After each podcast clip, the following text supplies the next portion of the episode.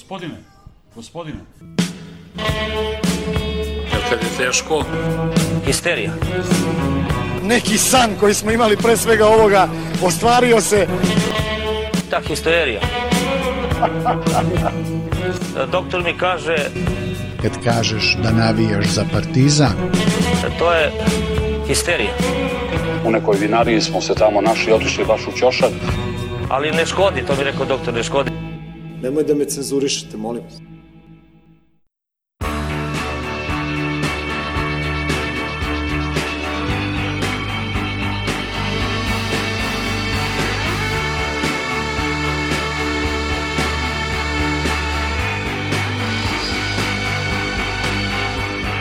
Alo, e. Dobar dan. Prvi put, Izgasiše svi. prvi put, prvi put u istoriji izvornih isti plus doktor Karlo Matković. Jeste. Uživo. Ja se izvinjavam svima što sam došao na snimanje, sledeći put on da rod nastavljam. A bit će tako kraća da- epizoda, ne bude. Da, da. Obično sam na on the road, eto sad se desilo. Čekaj, pre, predstavimo malo Karla. Svi ga Kuriozitet. čuju, stalno ga čuju, Stani, znaju da... bitno je reći kuriozitet, čovjek došao iz Novog Sada prvi u studio. I sačekao nas. Logično, da. Zato, zato, oni, zato oni imaju pare, a mi spavaju Beograđani do 10. Piju kafu iz malečku šolju. Lupaju u šoljicama. Šoljice samo zveckaju. Dakle, Matine, nastupa svejedno, u sjajnom smo raspoloženju.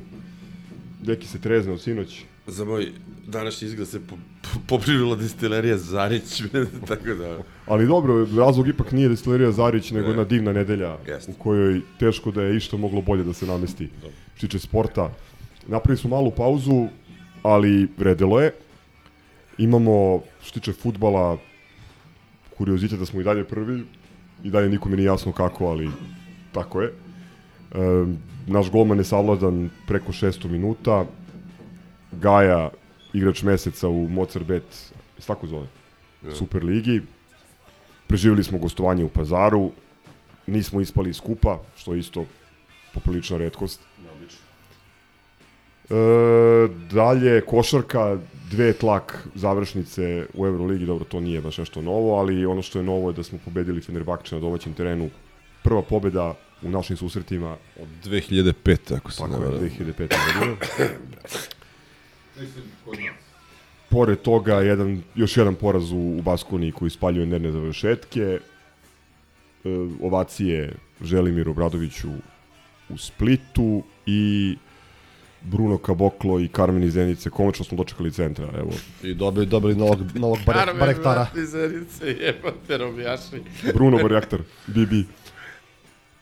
Dobro, to je Objasnimo to. ljudima, brate, Karmen iz Zenice. Čekaj, dođemo do toga. Ovo je, ovo je sve uvod dalje. Ništa, hoćete još nešto za uvod ili da bacamo džingl? Može džingl, pa krećemo. Ajde. But this is Jedan, dva, jedan, dva,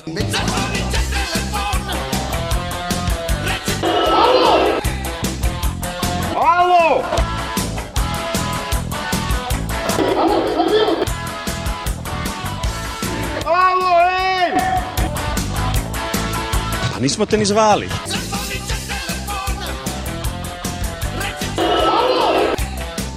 Future is all important.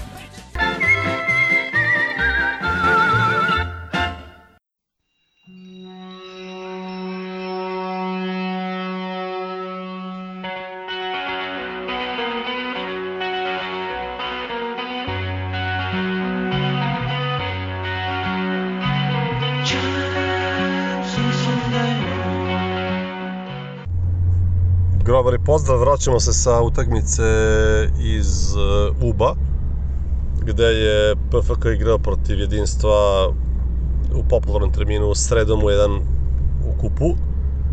Naravno, svi obožavamo ako je tekme s obzirom činjenicu da, eto, prvi put, mislim, svi od nas dolazimo u UPS-a i da gledamo Partizan. E, mali intro, neka je bila frka znači, karata, ali smo pokušali da dobijemo informaciju vezano za opciju da uđemo kao novinari, što nekim delom i jesmo, iako nismo.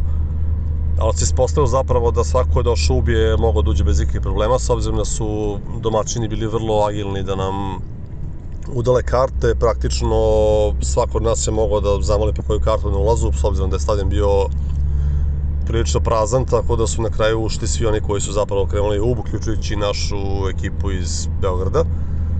E, vraćamo se trenutno s tekme, zavala nam sale, suvozač Gro, u šaragama Ilija, Markus i Stefan i krenut ćemo lagano sa impresijama svako nekom svom jeziku. Tako da, ajmo, Zgro. Evo me, dobar dan. Lepo kad ovaj, dođeš na tekmu, radni dan, a vratiš se kući, ono još se nije ni smrklo. To je prva impresija. A, bitno je da smo pobedili, prošli, po meni trebalo je to malo ranije da se završi, jer ovi nisu uopšte ovaj, naivna ekipa. Ja sam ove sezone gledao desetak drugoligaških ovaj, timova koji su igrali protiv mladosti u Novom Sadu. Uh, jedinstvo iz Uba je u, ubedljivo najviše prikazalo. Imaju tih par nekih ono i, i tamnoputih brzih, jakih, ono skockani, napaljeni, jebi ga, to štima, znaš. E sad još kao partizan, pa oni još dodatno napaljeni, a mi izašli sa sastavom koji, aj neću kažem da se nije sastavio na treningu, ali onako dosta prošarano. E, po meni, eto kao, očekivo si od Baždara nešto, a nis dobio bukvalno ništa. Pa još manje. Pa i još manje, onaj zicer što je imao ne znam što je uopšte čovjek sam, ko duh, iskosa na levoj stativi, on ga vata glavom, mogo je da radi s loptom šta hoće i da se dogovara s golmanom ko će gde. Ono kao prvo poluvreme, onako, ajde da kažeš, protraćeno, ali ono, imao si onu dobru šansu Severine, tu ono, sjajnu šansu Baždara i još jednu i kao ništa. E onda drugo poluvreme ulaze uh, ostavlja Dulja i ovaj, u, u, sa, s punim razlogom upravo njega i ostavlja Severinu u slačionici koji je bio dosta dobar, ali je onaj mu je majstor uleteo ozbiljno sa dve noge kao na loptu, ali je pokupio i loptu i njega. E, tako da je ono bilo da je poprilično načet. E, pa je kao okay što ga je ostavio. Ušli Saldanja i Zahid i znaš, kao prvih 10-15 minuta se već videlo od drugog polovremena da je to to, da tu si dao i gol i treba si da privedeš utakmicu kraju, da postigneš još neki, da ne dolaziš u situaciju da se desi ono, ono čudo ko u Mitrovici, a nije da nije moglo, imali su oni do, dve dobre šanse i ajde kao, dobili smo, prošli smo, super kao ljubazni ti domaćini iz organizacije utakmice, a ovo kao publika na toj zapadnoj tribini na kojoj smo mi bili prava ono po tim kad gledaš one beton lige gde jebu majku a, sudi i protivničkim igračima svemu što nije njihovo za svaki kontakt, za svaki start bez obzira što je sudija već dosudio faul on će dodatno da mu ono psuje sve po spisku. Kao ajde, eto, vraćamo se kući, odličan mali Trifunović poslednjih 20 minuta, kako je ušao, jel on meni ga menjao ili nisam siguran. Uh, svaka lopta mu je bila i, i iznosio i trčao i stvarno odradio dobar posao po levoj strani. Uh, na kraju, eto, kao ušao i Natko da, da kao zadrži loptu, ali eto, nije bilo potrebe. Bitno smo dobili i to je to. Ja bih samo rekao malo oko ovaj, celog domaćinstva. Stadion inače prilično lep. Nosi naziv po Hotel Radmirovcu i čak jedna tribina je Vraće Petrović ovaj, zadužio, druga je Valda Dule Savić. 4000 kapacitet, istok i zapad, i onako prilično jedno lepo zdanje u suštini. Ispred stadiona postoji kafanče za koje je gazda konstatovao da ne mogu da ga parafraziram, da ga ugase u kontekstu ovaj, izdavanja Pivers nalazi, ne nalazi u stadionu, što je malo bilo čudno, ali u svakom slučaju popili sam piva pred tekmu, popili sam piva po niko nije pravio problem, policija nijednom momentu nije pokušavala da nešto gasi maltretiranost, tako da ono, stvarno bilo je fenomenalno gostovanje.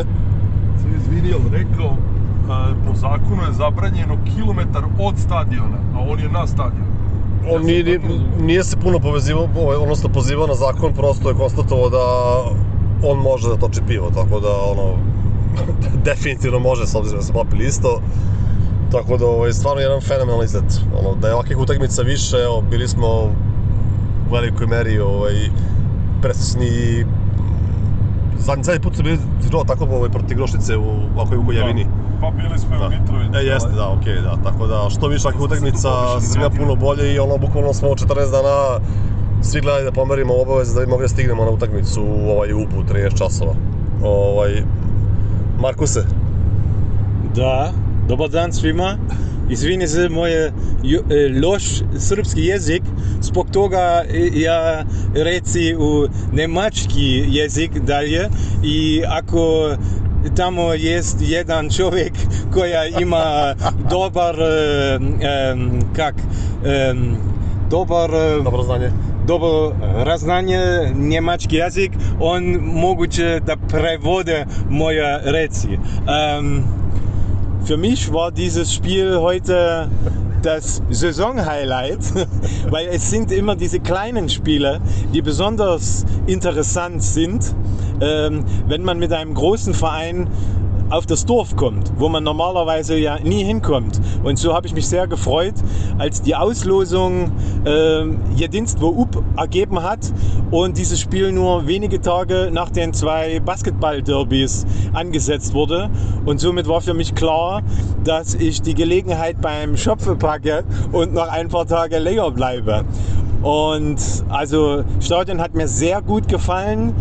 Die Stadt hat, naja, nach deutschen Kriterien nicht sehr viel zu bieten, außer dem Park für Raza Petrovic und äh, ja, es gibt noch ein Spa-Hotel und irgendwas, aber es ist ein, ein kleines verschlafenes Nest, so war mein Eindruck.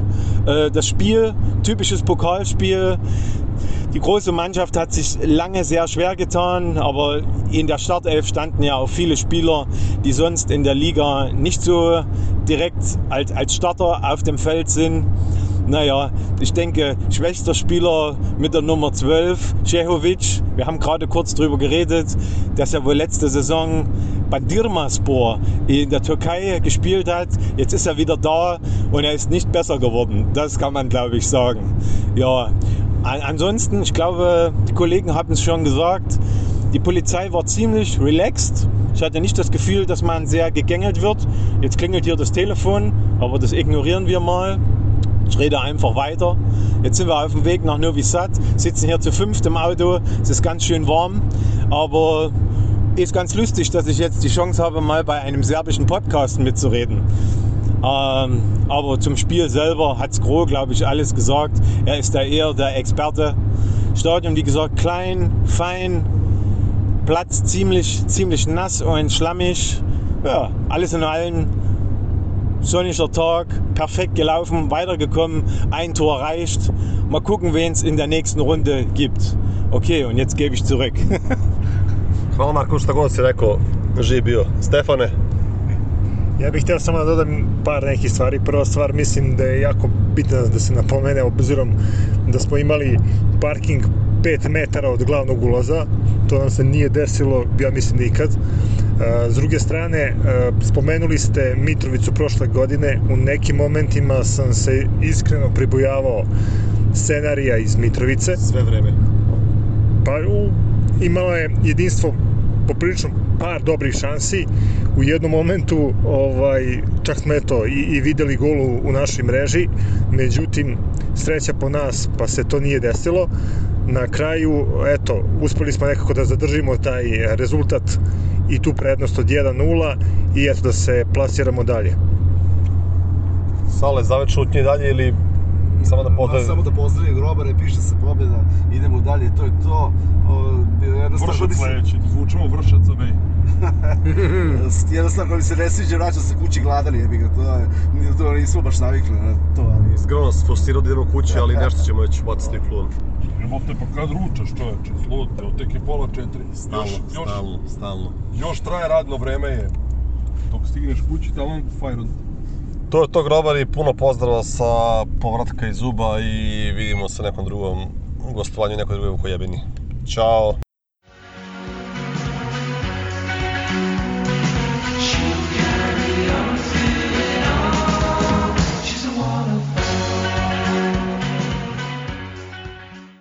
Pažnju na listove Fakunda Kampaca.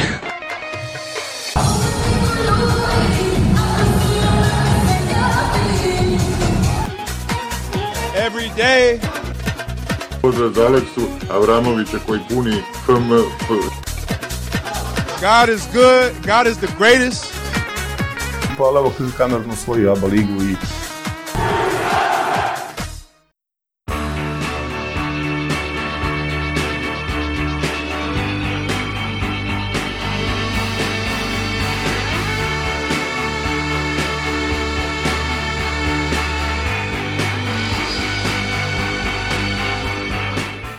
smo od X-a i ekipe. I da, imali smo prvi put nemački u našem podcastu, a imali smo i Auslander Translate punkt at.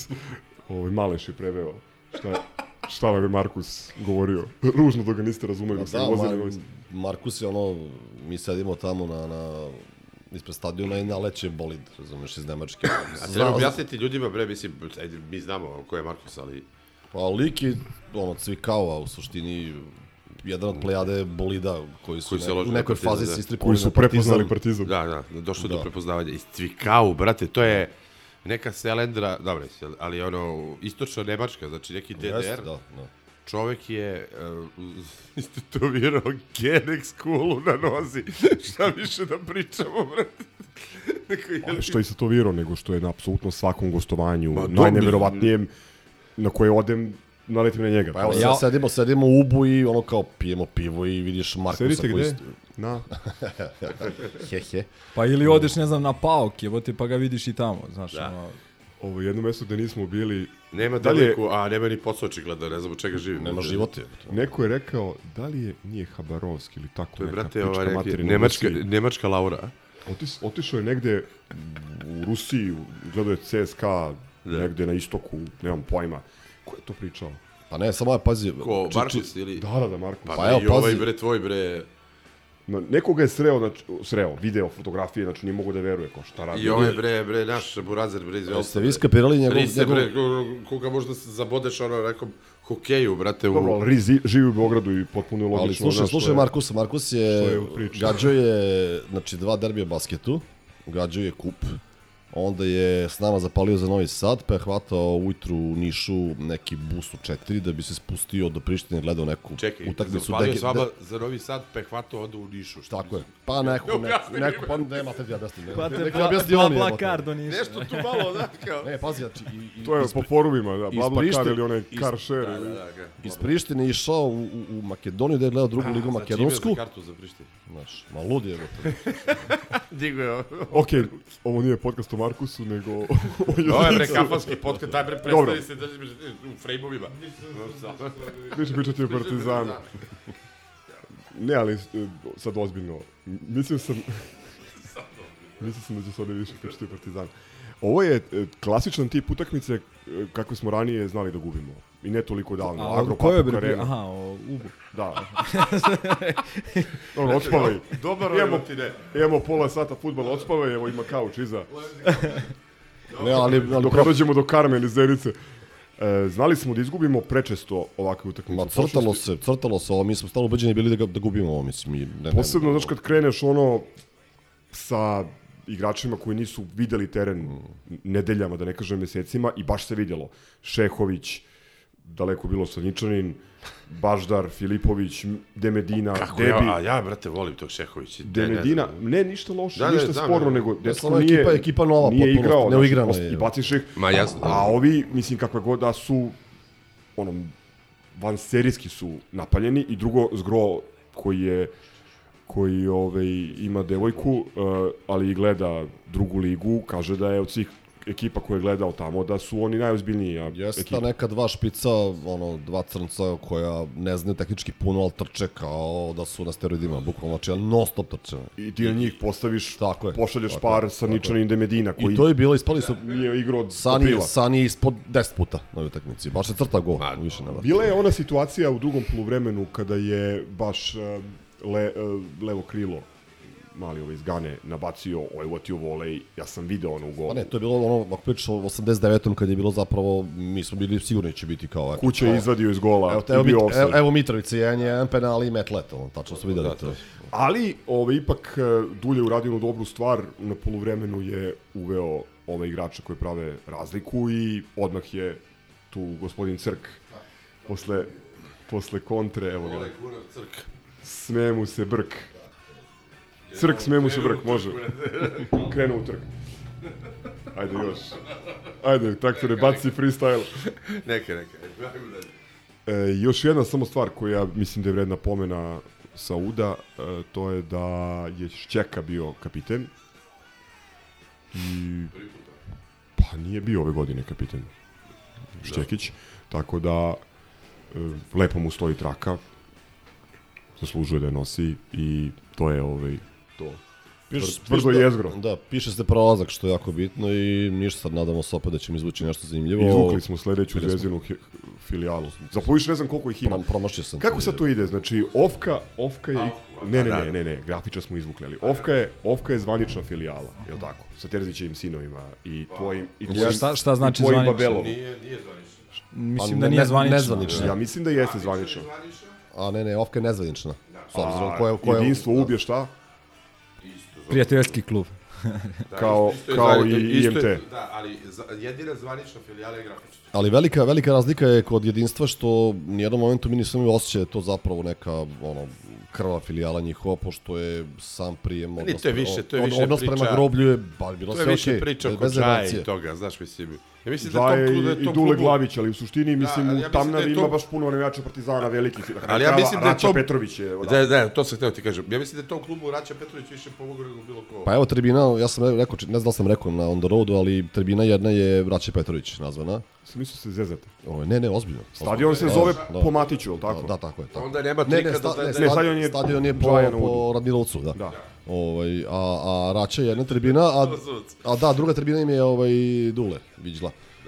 Tako da, ali, znaš, ali, ali sam odnos je bio potpuno okej. A onda, kao, znaš, nema šanse da je, da je ciganska... Pa nije delovalo. znaš, Ako je, ono- brate, braća Petrović. Oni su, oni su bre podelili karte grobarima free of charge, znaš, to se ne dešava nigde. Obično sa, svaka obično čast. sabotiraju. Onda, onda smo se ogrešili tu. Nisu filijale. Elem, igramo sa filijalom, Da. grafičarem To da. 6. decembra, to je onaj termin koji izvorno treba da igramo? bude na JNA. Pa dobro. Onaj termin koji je izvorno treba da bude termin za derbi, međutim derbi, da. des, desiše se izbori. Pa kad Tako da- prvi derbi? 20 i tako nešto? Posle- Ma da, ali ako bude sneg, Da. računaj. Mi smo se iskreno nadali nekom vršcu da odemo još jednom u jebinu, to mi je nevjerojatno najslađe kad se izvuče nešto tipa ono vodo, vodojaže i Mitrovici i ostalih ono ludila sredom. Ako ono, ne jedan-. Ako ne. Ono. da, da, da, da. Dobro, gospodine Strelac, Gospodine, ništa. kad kažeš Da da navijaš. navijaš za partizan. e, pozdravimo. Ajde, posle ćemo to. Taj je umro je.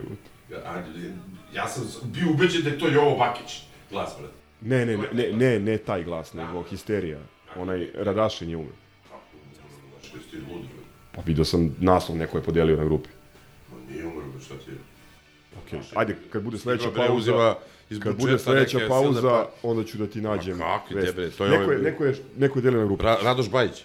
Ma ne bre, onaj ludak iz reality programa, onaj seljak br brka. A, onaj... Pa njega imamo u špici, nemamo Radoša Bajića. Ja sam mislio da je to Radoš. Ajde, trezni se, idi, idi gurni. Pa, Pa on se zove Radašin u nekoj seriji, brate, zato svi ga zove Radašin. ajde, stavi glavu u hladnu vodu. A on je nije Radašin. Ja se tako zvao. Ovo iz reality, iz velikog brata. Dobro. Ajde, ovaj... Mislim da nije Radašin. Preživjeli smo pazar, ajde. Utisci, komentari, popularni termin, ponedeljak u 15. Da mogu ja nešto da kažem? Obali. Ču tu tepam, jel tako govorio? Kako je govorio? To da- Ja, brate, kakav rovac sad, brate, da li su ovi za... E, ajde vidjet ćemo. Još jedna sličnost, i on je traktorista. Da. E, vidi, Pazar, ako, ako Ćute patošem, da, to je da, nije, da nije Partizan u pitanju i da nije bitna utakmica koliko je bitna, da smo gledali, ne znam, ono, Vojvodina Čukarički, Ko takvu utakmicu, pa ne, mislim, u teoriji, ono bi bilo fantastično. E sad, 60 šansi na obe strane, 15% šansi. Nije bilo prijatno za gledanje drugo poluvreme, pre svega. U prvom smo igrali odlično, napravili smo 3, 4, 5 zicera, morali smo da damo bar 3 gola. Ovaj, posle je očekivano ono, kad ne daš ono što moraš da daš, ovaj, kako se zove, on, Ta, da, da, čuveno ovaj, nepisano pravilo, sva sreća nije se obistinila ovaj put, a, zahvaljujući pomenutom golmanu Ćuti, a, pre svega njemu. Sveti. Kako? I sveti. I sveti, da. A boga mi i onom njihovom crncu, šta je promašio čovek, promaši loptu, onda jednom sa 3 metra, a, ali vidi, ono, odlična su ekipa, bez zajebancije, znači ti kad pogledaš tu imena, okej, okay, kapiram da... Pa da vidi, ne znam, da dođe pola onih igrača da je došlo u Partizan. Kad sam ja pam, ti jedini koji pratiš to, brate, ja ne znam nikog, nisam gledao, nikog Pa ne, Partizana. bila diskusija ozbiljna gledao sa, si, sa ne, zgrom, ali gledao si, da, da. gledao si Partizan pre, Da, znaš, ono, dobro, kao sećaš, sećaš se Šćepovića, nemam pojma, e sad, poenta je da, da pola tih igrača dođe, da se vrati u Partizan, bilo bi povratnici, Ne, ne, ne, ne, ne valjaju, da, znaš, da. ali realno gledano, kad staviš Ozbiljni takve igrače, Ade Maljajića, kad staviš Po u imenima Novi oni su, Pazar, oni su treći klub sigurno u državi, Da. a po realnoj snazi mislim da su Možda tu, tri, treći, da. četvrti, nisu bolji od nas. Ali ti kad pogledaš recimo te, te mlade igrače koji im je, koji im je Fener poslao, onda imaš ovog malo kore, koreanca što je juče dao Ajde gol. da vidimo Suma, brate, kad uđe u... Pa ući će u formu. Ma kakav kako Suma, će- Suma godinu dana nije, nije ne, pipnuo baš loptu. srije da se otromboljio, da ne delujem, da mislim ne, da... možemo, šta je On je, on je najslabiji tamo. Sami delo da je bukvalno ono, istorija čovjeka. Nema čovek snage za više od pola sata, ali protiv nas je bio besan. Vidi se da se, da se nismo razišli u... Bacio, brate, toga se sećamo, a? Šta kažeš? Kad je Veguera, brate, poslao po burek kod Uljaja. Pa dobro, ajde pamtimo to bolje nego... Samo Nego kažem, ako uđe u formu. Instagram live ako sa, Se, ako se, znaš, sa, sa Red Bullom. sa Red Bullom, da. Izvini, Milenko. Mm, to je to, znači, kažem opet, ono, u, uživanje je gledati takvu, takav futbal, takvu utakmicu, stvarno uživanje. Nije uživanje onih poslednjih pola sata zbog e, situacije na tabeli pre svega i tako dalje, ali opet da, da ne budemo licemerni, po, po, pričali smo o milion nekih dosadnih utakmica i o lošem kvalitetu futbala i tako dalje, da je sreće da, da, o, da ima više ovakvih timova i, i, i igrača na kraju krajeva u, u ligi. Da, da, da. I estetski i svakako iz- izgledalo baš. Da, Apsolutno. O, mi- minus, minus prazna, uh, prazne tribine, ali, ali moram da kažem još jedna bitna stvar, potpuno su pravo obojica. Kamo sreće da imamo više ovakvih klubova, ovakvih utakmica, utakmica ovog tempa, intenziteta, uh, više ovakvih igrača u ligi i da imamo ovakvih utakmica u kojima svi učestvuju, a ne da neko igra 70% prijateljskih utakmica. Ovo sad ima puno veze sa ovom temom od malo pre koja je filijala ili u kakvoj je ne samo pravnoj nego i, i, i ono realnoj e, u realnom odnosu ili simbiozi sa, sa, sa, sa našim najvećim rivalom. Ova utakmica, pazi, ja sam rekao u prenosu, e, znači intenzitet neke utakmice kvalitetnije belgijskog ili holandskog šampionata e, po broju šansi. E sad, što je, su golmani bili jedan i drugi, vidio sam e, u politici posle dugo vremena ovaj, Šta su dobili, devet? devetku dobio Da. ovaj Ćuta, da, a ovaj mislim da je dobio ovaj bivši golman e, mladosti ga dobio osmicu. I on je imao par onih odbrana, skinuo natku. Ne, ne, neku- Neku... utakmice bre za poželeti da gledaš tako. Mm. Stvarno, pa to, to je... To je, gledaš mislim, to. je Dulja i rekao na kraju, stvarno ne bi bilo nepravedno da je bilo nerešeno, jer Da. bilo je Da. jedno 6-7 šansi naših i njihovih 5-6 sigurno. A, to je ono što, što se uvijek o tržište, kvalitet. Da su takve utakmice, brate, bez stadiona bi bili puni. Realno. Hmm. Da su stvarno takve, znači, ono, pre toga, znači, preduslov svih je ono da tu nema nameštanja. Mm. Ovde nije bilo nameštanja nikakvog. Da.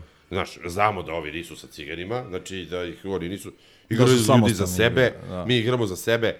Brate, svi preduslovi da se stvarno futbol igra. U pravu si, ja sam se plašio jedne druge stvari, to sam vam rekao pre utakmice kad sam video ko je izdelegiran, delegiran je ovaj Ćupričanin, pozdrav za, za međutima Marka i, i Slobodarski Paraćin, uh, Ćupričanin Milanović koji je, mislim, kao važit za jednog od perspektivnijih sudija, ali nama par puta u prošlosti sudio neke neverovatne stvari i Džajna šta mu dođe, Snajka, Zao. da, ovo je bila u, u VAR sobi ponovo.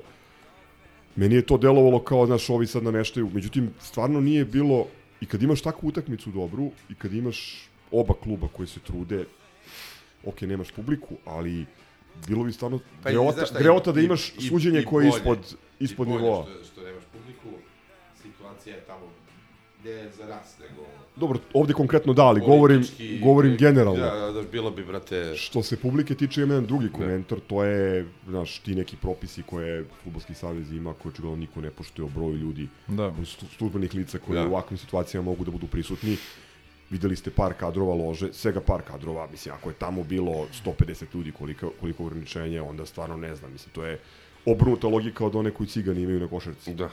A, je, a kad smo, Da, da, da. mislim, kad smo već to pomenuli, fair je reći i njihovog trenera izjavu posle utakmice, gde je stvarno lepu izjavu, ono, kako je nahvalio i Dulje i Pa, Partizan. brate, ali to, to je, kažem ti, to su preduslovi da ti imaš Da, da. nezavisan klub i onda će svi da budu i fair play i džentlmeni i to. Da imaš apsolutno nezavisan klub od cigara. Ma da, Od- ne, po, baš nije, nije bio fair play malo u smislu te nekog pritiska, ali opet jebe mu mater, Ma ajde, dobro, sad nećemo mi, mi da budemo da, neke curice, razumeš, ono, brate, Ma ne, to je, to je sve deo Mislim, folklora. da to se je ne deo... lažemo i mi smo bili nekad ono, na Da. praznim tribinama i, i gledali smo pomognemo svom klubu. Govorim samo o, o i, i u pravu si, to jeste deo folklora, ali govorim o nekim drugim stvarima, znaš, o, o, o, o na primjer, tom, tom dobacivanju na kraju dok Da. trener daje u, u, u ovi kao mix zoni improvizovanu izjavu, gde stvarno, što reče neko, kao da su pojačali reglere, da se čuje još, više vređanje. Da, znaš. da.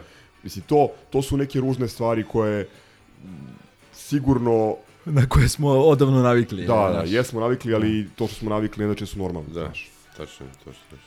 Ali da, upravo je i Vili da je ovako zaista za svaki klub koji se takmiči za titulu li, Suština liga bi bila ne bi, ne bi se dešavalo da 11. da 11. novembra jedina pobeda Partizana u sezoni e, jedna pobeda srpskih klubova u Evropi u sezoni bude Partizan protiv Sabaha i da jedine dve pobede u kalendarskoj godini budu Partizan protiv Šerifa i protiv Sabaha. Eto, to je deo odgovora na pitanje zašto pošto Ne, vidim a da pol, znaš- Poledici ponovo nešto nije jasno. Apsu- Nije mu jasno zbog Naj- čega naj- to ne koeficijent. To je ono kad, kad se mi svađamo, kad ja kažem, brate, da, apsolutno, znaš, ono šta mi pričamo sad o domaćem futbolu i to. Ti, mi u 2023. imamo čuđenje kada se ispune svi preduslovi da to bude sport. Stvarno bude sport. Na bilo kom nivou. Znači, da, da nemaš treću stranu koja je umešana u to. Da. A ta treća strana, brate, izlazi mi iz frižidera, razumeš? I da, eto, to ti je to. Ukratko. Dobro, samo logična posledica talaga u kojem smo i nema tu šta. Ne, ne, Mislim, samo kažem koliko je da. to ono... Absurd. I naravno da imaš dobru utakmicu, stvarno dobru utakmicu.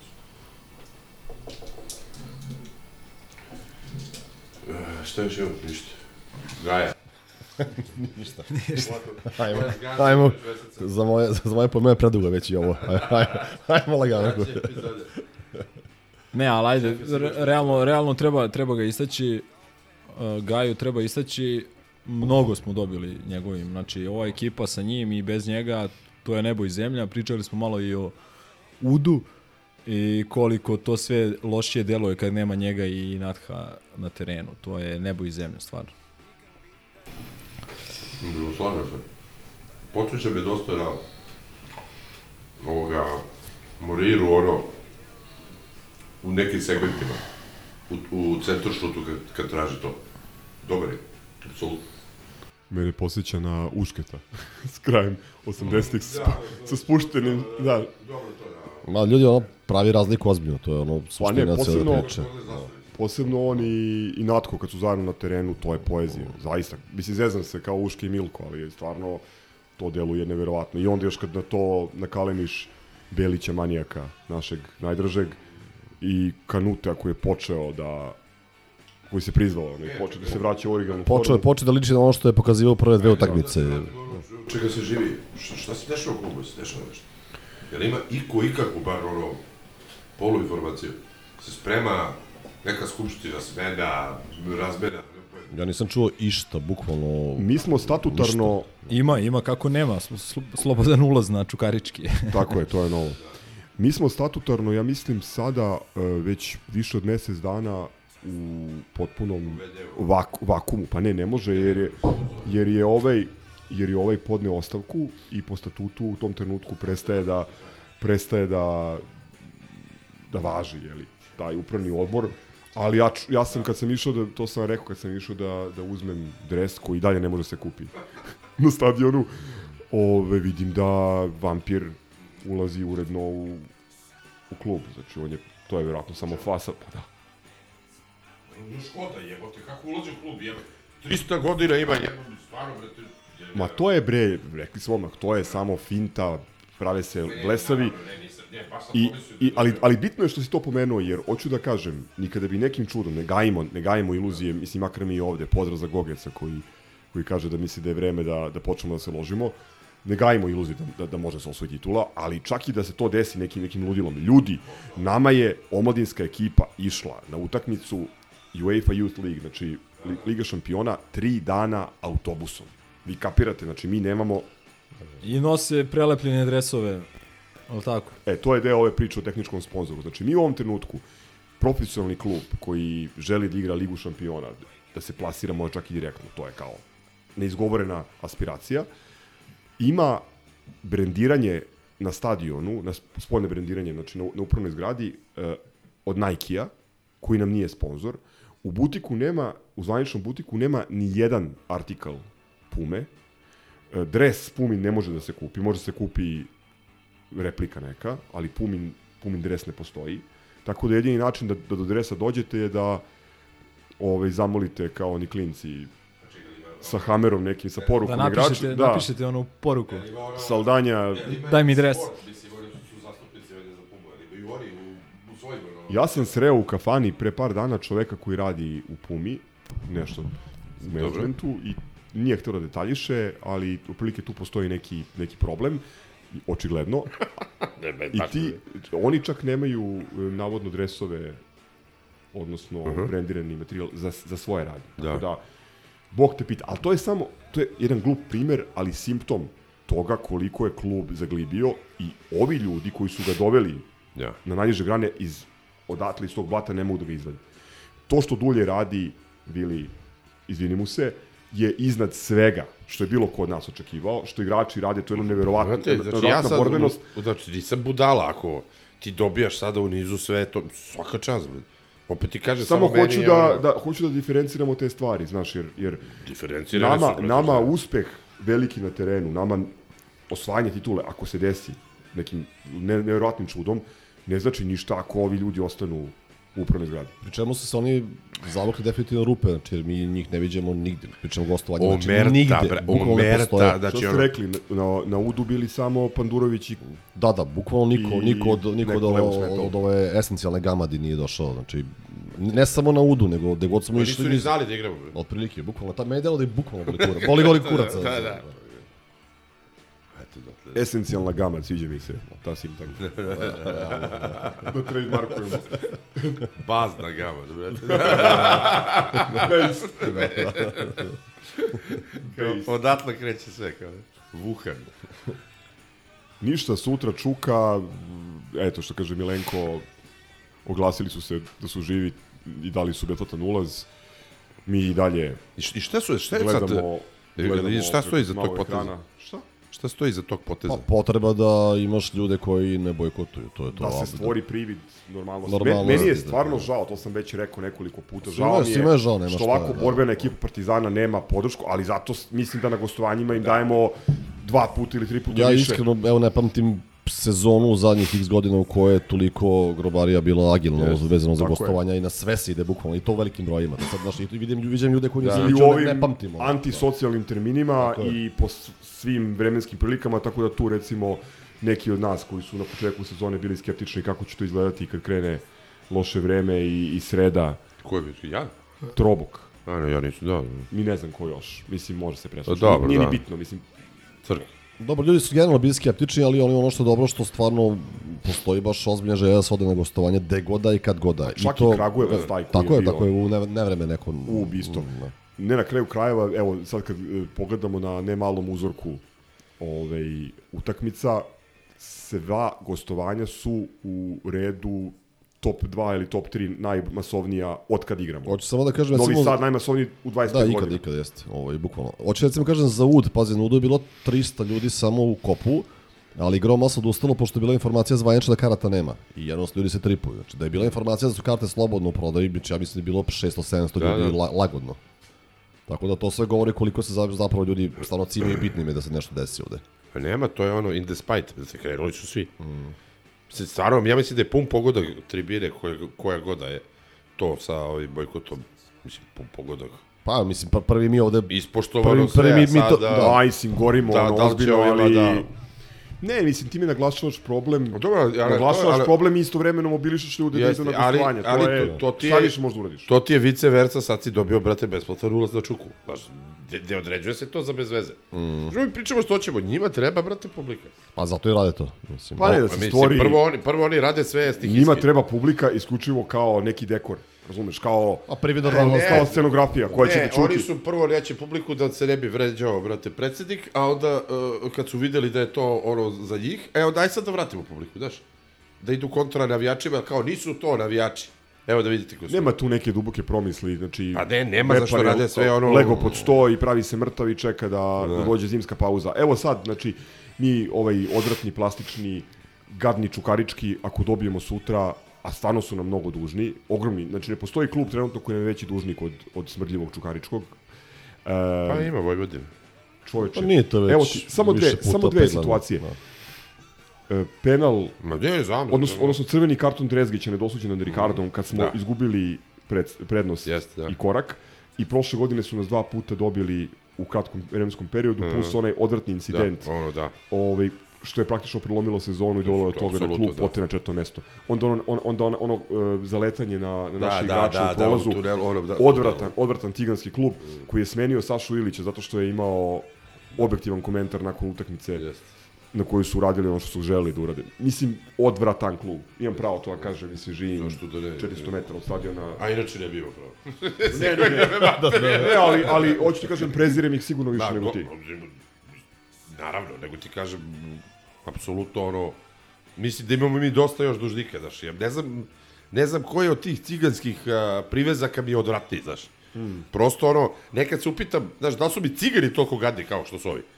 Mislim, Pa to su, da jesu oni, da. to su oni u raznim pojavnim oblicima, znaš. to u agregatnim ovaj, stanjima, da. Ili, ili, ili wanna be oni. Ali dobro, ne veze. Znači, to sutra i ako, ako bi to rešili kako treba, opet, znači, ulazimo u još jedan ciklus reprezentativni, ogavni na prvom mestu sa značajnom predlošću i to je stvarno, mislim, nešto što apsolutno, Jel imamo apsolutno nekog niko u nije reprezentaciji, mislim, nemamo. Mislim da nije niko pozvan. Ili Mihajlilić je bio na Na, širem na, naš, spisku. našeg Mitra. ne, bre, od tekućih igrača. Znam da je Duljaj polujavno rekao onako nešto što svako od nas misli to da, da ako Belić Bi ne više, zaslužuje više je agitovao da se desi, da. Nemoj, neko- brate, teraj ga, šta će bre u reprezentaciji?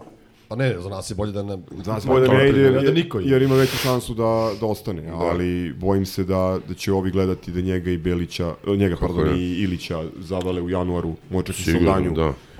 Mislim da je to ovaj, zli plan. Ovo što spava ispod, pod, ispod kreveta. Tamo da ovaj, materializuju ovu dobru polusezonu, da zavale sve što može i da onda lagano kaskamo za govornim izgubljenom Da, prednosti. Milenko, dočekao si jingle. Ajde. A i pivo da se otvori.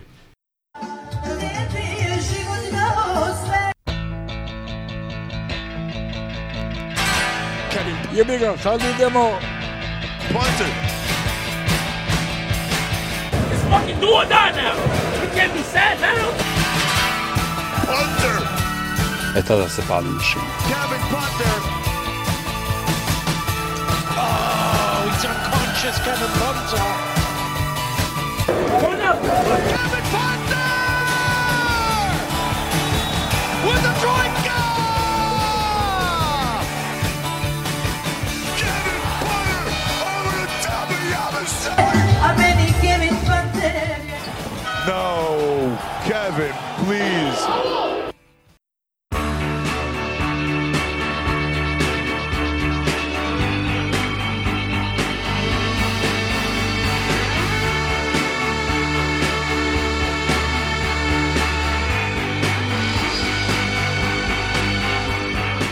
Hoće neko na basket? Hashtag Nikola Jokić. Lemzi, Lepa nedelja, onako mislim, ali dobro. Mogla je biti još bolja. Mislim, nedelja nije mogla biti bolja. Ja sam doživio nervni slom protiv Baskonije. Da. Ovaj, Davno mi nije tako teško pala neka, ne, neka utakmica, stvarno. Da. Najiskrenije. Meni se samo deluje da smo ono zapravo dobili što smo izgubili, izgubili smo dobili. Ono, samo se nešto obrnulo. Ja, Ja, brate, neka, neka, ja neka više- karma se desila, ravnoteža. Euroligu, Da. To treba se igra zadnjih dva minuta. Znači, nema potrebe, brate, svi su Poslednje rezultati... dve utakmice. Ja, pa ne, znaš, to su... Finale, ti pre dva minuta i- Pa evo, koliko smo odigrali? Šest utakmica, tako? Do sad. uh, Sedam. Sedam. Da. Ti si imao Olimpijakos, imao si Baskorio, imao si ovo sada, pa i Cigare. Četiri utakmice si na nož. Mm. Ono, je, Egal- razmonti- egal zadnji minut, teški egal. Barsa i mi smo. To, to nije bilo ono. Kapiraš, brate, koji su to stresovi, jebate. Ali ne samo ove sezone, znači ne, ako prošlo, To da, i prošlo. gledaš i prošlu, znači ne To je računajući, bilo 10. ne računajući Pirej gde smo bili osakaćeni, gde su igrali Đorđeje i Glas i Tristan, 30 minuta, znači mi smo odigrali, ja više ne znam, 15 utakmica na jednu loptu. Da. Stvarno nije zdravo ovo. Ne, ne, problem je što baš čovjeka poremeti i pomeri, ja sad gledam, da- pa pogled, pa pogled samo Orenu i otak. Partizan treba uđe u, brate, u adrenalinski sport, to više nije, zašto je, bungee jumping ili ono ideš, kajtovi, brate, ono, a? Defibrilator. Pa ne, treba definitivno defibrilator da instaliraju Da, i, i ovaj na nitroglicerin. ulazu, na ulazu. Nitroglicerin pod jezik da staviš. Ne? E, a sve ovo dolazi posle onakve utakmice protiv Megi, gde imaš autokoš za poraz u posljednje sekundi. Mhm. Mislim, stvarno, jebote. Da, Pričali smo prošlo, ne, nema ništa grobarskije. Ne postoji, brate, realno. E, ajde se vratimo na temu. Ma ne, mislim i ja sam rekao posle utakmice, kako se zove, znači četiri utakmice smo izgubili apsolutno ne jednu loptu u poslednjih mesec, mesec i po dana, znači preživeti jedan takav poraz nije lako, četiri u mesec, mesec i po dana, to je gotovo nemoguće. Ali eto, pregureli smo, uh,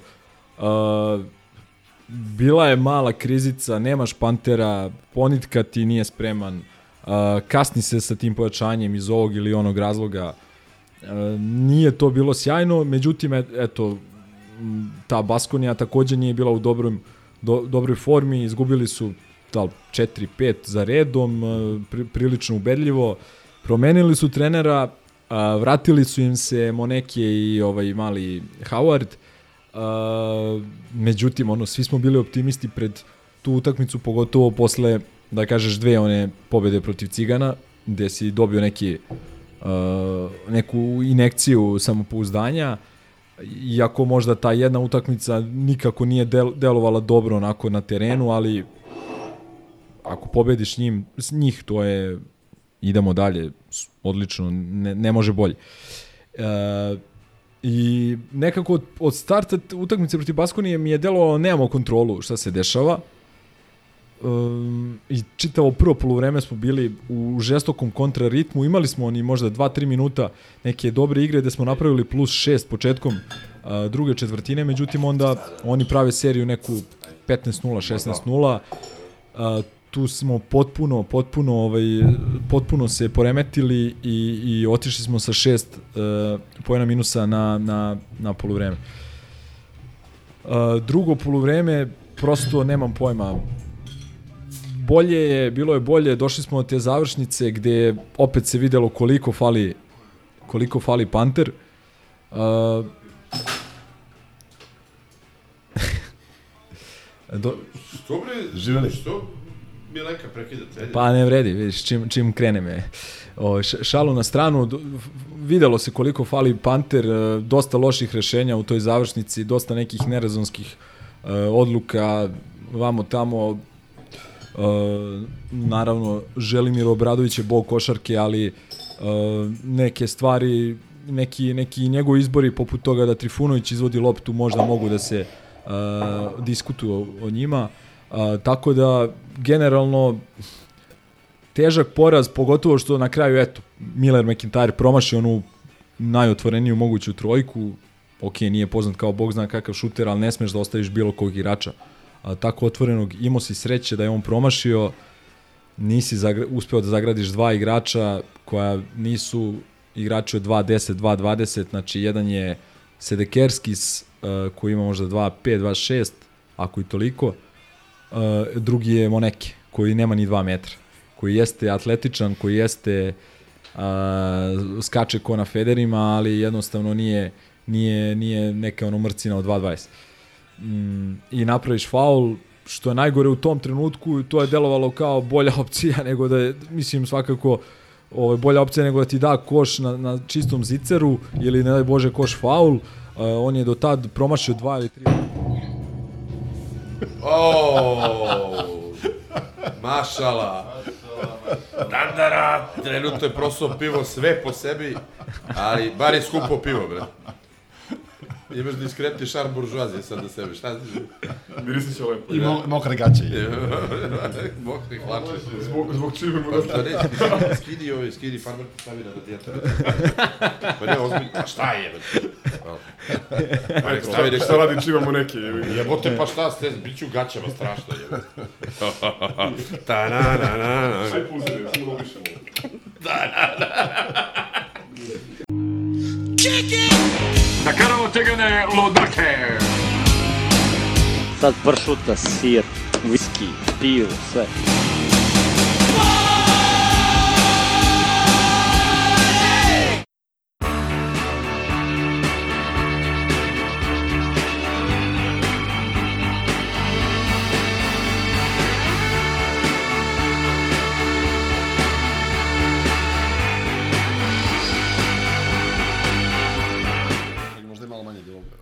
Ovaj, trenutno... Ništa, take two. Da, da, čekaj, ovaj, da. Čim, čim mu neki treba naneli da plati Čekaj, kafu, čekaj, čekaj. a čima nama pivo, jebote, dođe na pivo. sad. Ovaj, kod Galeba se izuvaju, ovde se, brate, u podcastu skidaju farmerke. Spavaš li mirno, Nikačeviću, nakazan. I solidarnosti smo mi ostali skinuli farmerke, Da, da. tako da. ja bih volao da vidite ovu scenu, takave muške noge, brate. Imali smo ma, malu ovaj, poteškoću. Tehničku. Tehničku, tehničke prirode. Gajić, Zoran Savić je imao malu, malu neprijatnost. Naime, naime, umrla mu je majka, da. Evo, Lotis, da, da, da, da. Ono sa svetskog prvenstva. tako. Dobro, hva, hvala Bogu, nije, nije, nije, to, Nije to. nije baš takva, ovaj, nego je pivo prosuto, mada... A, brate, Da. skupo pivo, bre. Skupo pivo prosuto. Ovaj... Ajmo, nas, ajmo, ajmo, brate. Ajde, prvi put, nik, nikad se ne reklamiramo da kažemo možete nas podržati na Patreonu ili direktno preko Paypala. Da nam lakše padne da pivo. lakše padne što smo prostuli pola krikendela na sebe. Ovaj, Čim mu neke. Nešto pričao sam ba, u tom trenutku o, o onom po- poslednjem skoku i faulu e, e, nad Monekijom na sekundu kraja. E, kao što sam rekao, promašio je u tom trenutku dva, tri bacanja u toku utakmice do tada, međutim, pogodio je dva, znači nije lopta dirala ni, ni mrežicu. Znači, nije bio ni blizu da promaši ni jedno od ta dva i posle taj aut i odluka da se ide na uh, Kaminskog, onaj lob pas, uh, slično se igralo i u Studentski centar. studentski centar, da, tamo, tamo je bio bolja akcija, bolji pas i uh, Kaminski je faktički promašio iz jako dobre pozicije. Ovde Ovde je možda i malo više rezona, se tu je recimo, smo imali možda 4-5 sekundi, ja mislim, ako se ne varam, ovde je bilo, bila sekunda, ta, tako da nije mogla, ne znam, ja nisi imao bog zna koliko opcija, Moraš na obruču da igraš. Pa ili to Dobro, ili, bre, ili, pa ili ne, neka, neka, neko Ti ikad istrčavanje. imate fazi koji se zove 0-6, jebate, ne zezate. Mi, mi, naravno, ne, hoću samo da kažem da možda sad igraš imalo na- više Izvini, rezona ideš- da se ideš igra. na po- postavljenu odbranu, Dobro, da, ne- da, da. Ne šutiraš I, imaš stvarno. više rezona da se igra nego što je tad imalo da se igra, međutim tad je egzekucija bila bolja i, i Kaminski je samo promašio, mislim samo, ono, Da. promašio zicer, sada nismo bili ni blizu da, da, da to prođe. Uh, da li je to bila dobra odluka kad se ne postigne koš, ispostavi se naravno da nije dobra, ali ovaj, e, kako se zove, sve u svemu, težak poraz od ekipe koja nije bila u dobroj formi, ali i tad sam rekao dan dva posle utakmice kad se malo smirila ono glava i to sve uh, nije to, to nije to uopšte loša ekipa što su pokazali samo par dana posle pobedili su Olimpijakos u, u Pireju tako da to uopšte nije znači nisi izgubio od Crnokose nego od Baskonije od koje smo mi bolji to se slažem apsolutno ovu utakmicu smo trebali da dobijemo a, nema u Euroligi gotovo ništa da moraš, ali imaš neke koje treba da dobiješ. Ova je ova utakmica je spadala u tu kategoriju. iz tog razloga dosta težak poraz. Ja verujem da ćemo biti ispred njih na tabeli, bar za dve, tri pobede na kraju. Mislim da smo bolji i kvalitetniji, talentovaniji i u svakom smislu da... da I boljeg trenera. Pa je, da, eto, da, eto, mislim, šteta što smo od du, Dujeta izgubili, mada i on imao jednu simpatičnu izjavu ovaj, pre da je potkačio uh, ko, po, Uradio je format C dve tačke. Da. Kosa crta. Ovaj, Obrisao tako je- da, obrisao je Hard Drive, Da, da. Tako, železnički. tako da sam siguran da ćemo biti ispred njih, uh, ali, ali ovaj, mislim da neće tu biti ono krugova i vamo tamo, ali ako i bude, opet izgubio si koliko pola koša, tako? Mm. Znači, možeš to nadoknadiš kući, ali šteta, šteta, stvarno šteta za... za... Dobro, brate, mi smo, sad je tabela da smo mi osmi. Samo da ljudi znaju da smo... Ma dobro, osmi. ima da se igra. Naravno, ali nismo, kažem, ni, nismo... nismo prošli ni četvrtinu sezone. Ljudi, da, Meni- evo- E, Ti se sećaš kako je bilo uh, shitstorm na, na ovim društvenim mrežama što ste mi pričali to su, ono pa to su, to su mentoli, mislim A, mi, pa sad tako ako, ako, pričamo, ako no, gledaš, dobro. ako gledaš širu sliku, mi smo od ove uh, od ovih pobjeda koje imamo, to su sve pobjede koje Su su, su prošle prošle sezone bili porazi. Jeste. Znači mi smo izgubili I od Cigana, da. i od Cigana u areni, Prvih na domaćem sedam- terenu i, Dobre. i od Fenerbahča smo izgubili na Prvih domaćem sedam terenu utakmica- i od Asvela smo izgubili na jednu loptu Jeste, da, prošlog decembra. Tako da to su od njih to su tri, tri poraza iz prošle sezone. E, Samo da, da se nadovežem na ovo što ti rekao, ja se slažem s tom. Me- Meni je e, zbog načina na koji, na koji se desio poraz jako teško pao i posebno što mi je ona mega bila i dalje negde u, u podsvesti prosto nisam mogu da verujem da, da toliko da toliko nemamo sreće jer mislim da je ekipa radila ono što Željko traži uvijek od njih ono, poštovala je loptu. Stvarno smo odigrali ok. I neki igrači uh, koji su imali minorne uloge prethodno su ovde pokazali, pokazali nešto. Tristan ofanzivno 11 Jeste. poena ubacio, Jaramaz je bio vrlo okej, Kaminski je imao neke dobre neke dobre sekvence. Znači žao mi je što to što što ti njihovi dobri nastupi nisu nagrađeni. Mislim da bi to Da. bio fantastičan po, Ali- podstrek za ekipu. Ali ima oni koji su podbacili žestoko. Ima, ima i Ima, toga, dobro, da. uvijek da Ali, toga. e, e, meni se to sviđa jer imaš imaš 15 Kad igrača. podbaci. 15 ili 16, ne. Imaš, pet, imaš 15 ili 16 igrača, ne mogu svi da igraju i ne mogu svi da igraju fantastično tokom cijele sezone. I meni je recimo, evo recimo sada, skačem malo napred, ali čisto da bih ilustrovao poentu. Protiv Fenera, Zak, dva poena. Bez izrednog slobodnog bacanja, ali neki neviđeno bitni skokovi. Šest skokova, pet asistencija. Tako je. E, Avramović, ofenzivni učinak ne postoji, ali zato se pojavio To je ono što sam ja- Pandjušić i odigrao verovatno pa najbolju isto, utakmicu. isto i PJ je nula, defanzivno ozbiljno to igra. Što, što sam da. bio pričao za uh, Aleksu, pa se reke nisu slagali, ali ovaj, on ima takve oscilacije. Znaš, nije to kao ušao si u period, okej. Pa ne, složili smo svi da, ima ono, oscilacije. znaš. Ne, ali ono, jednu utakmicu o, Ma, to Michael je Jordan, okej. drugu, brate, to je sve okej, ali Mondo iz škole. bitno je znaš. da imaš, da imaš na klupi PJ Dodgera ili Jarama za koji je upotrebljiv i da u trenucima kada ovo ne idu, da trener ima drugu, treću ili četvrtu Mnogo opciju. mi se- mnogo tako, mi se- se, tako, se, tako se usvajaju trofeji. Da. E, tako i kada igraš slabo, dve trećine utakmice ili tri četvrtine utakmice kao protiv Fenera, a pobediš, to su. Tako se uzimaju trofeji, mislim u svakom sportu. To sam kažem samo još dve stvari koje su mene ovaj, u, u, u Baskoni onako neprijatno iznadile. Ovaj, Miller McIntyre, čovjek došao na, na prag maltene triple dubla. Ja ne znam, ono, on je za mene Eurocup igrač, pri čemu dečko nije normalan, to smo čuli ovaj, iz slačionice, u poverenju što se kaže. Znači, meni nije jasno kako on protiv nas uvijek odigra ta. Mislim da, ne, da nemamo ne, neki način da ga, da ga zaustavimo. A imamo takvih debila kako hoćeš koji nas prate, ono, degenerici koji, koji se protiv nas pomame evo. Brate, Ali dobro, ali evo sad je Ili ga kupiš, Sad da, sad, sad je da- dano pobedu. Tako. dao, dao koš za pobedu. Znaš. Protiv nas je promašio najotvoreniju moguću trojku. Da, ali pre toga je pokupio gomilu lopti. Jebi ga, to, znaš, mislim...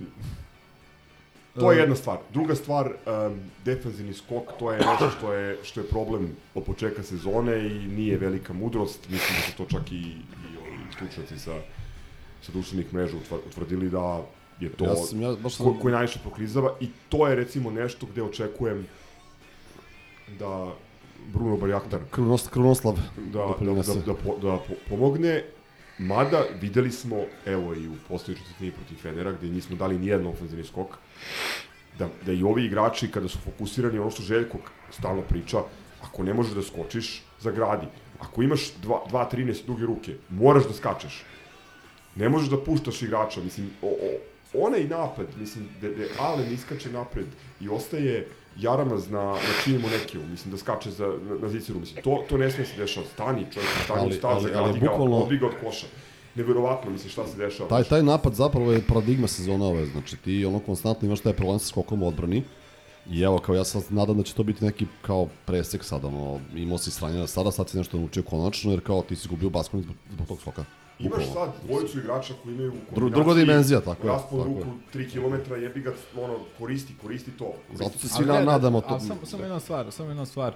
Uh, konkretno skok, uh, m, čuo sam ono dosta komentara ispravnih da skok ne može ti reši jedan igrač. Znači ne može reši jedan igrač. Skok, u, za skok mora da učestvuju svi igrači. to a, a ovde imaš, ovde imaš, e, da kažem, personal za tako nešto, imaš Doužera koji je odličan, po meni najbolji naš igrač ono, e, na, na, ofanz, na defanzivnom skoku, u tom nekom smislu drugi zagrade, on ide da pokupi.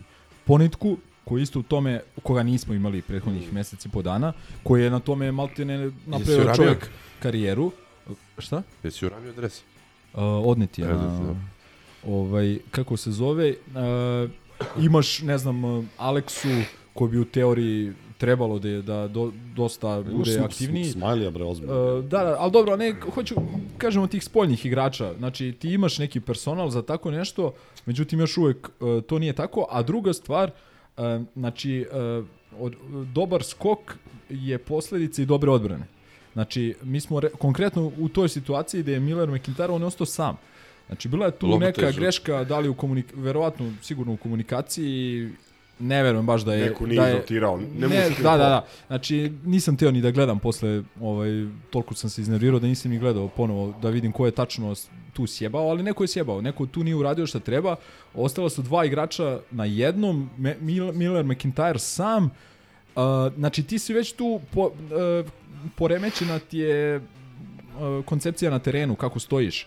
I, I to je, znači, onda posle samim tim ti si u nekom zaostatku, neko ostaje sam, da li na skoku, da li na, na šutu. Znači, dobar skok je i, po, i znači, produkt i dobre odbrane. A mi još uvek ne igramo odbranu A koš je e, na- posledica šuta. Na, na takvom, na, Lopta na, na, Da, dobro, da, na ja dobro- sam mislim, sam mislim zapravo ovo što ti rekao Milenko, da sad ti sa krunom dobijaš neku ono kao kockicu koja ti fali da bi zapravo sve to složio na jedno mesto, pošto potencijal imaš. I nama sad treba to da bi ti konačno ono mogao da valorizuješ taj skok kako bi trebalo, da imaš zaista s kim da i gradiš i skačeš i sve živo. Ne, da me neko ne shvati pogrešno, naravno da nam je trebao baš takav igrač, atletičan, visoko, ako ne može 2.15 centara, onda centar koji je atletičan, 2.6, 2.7.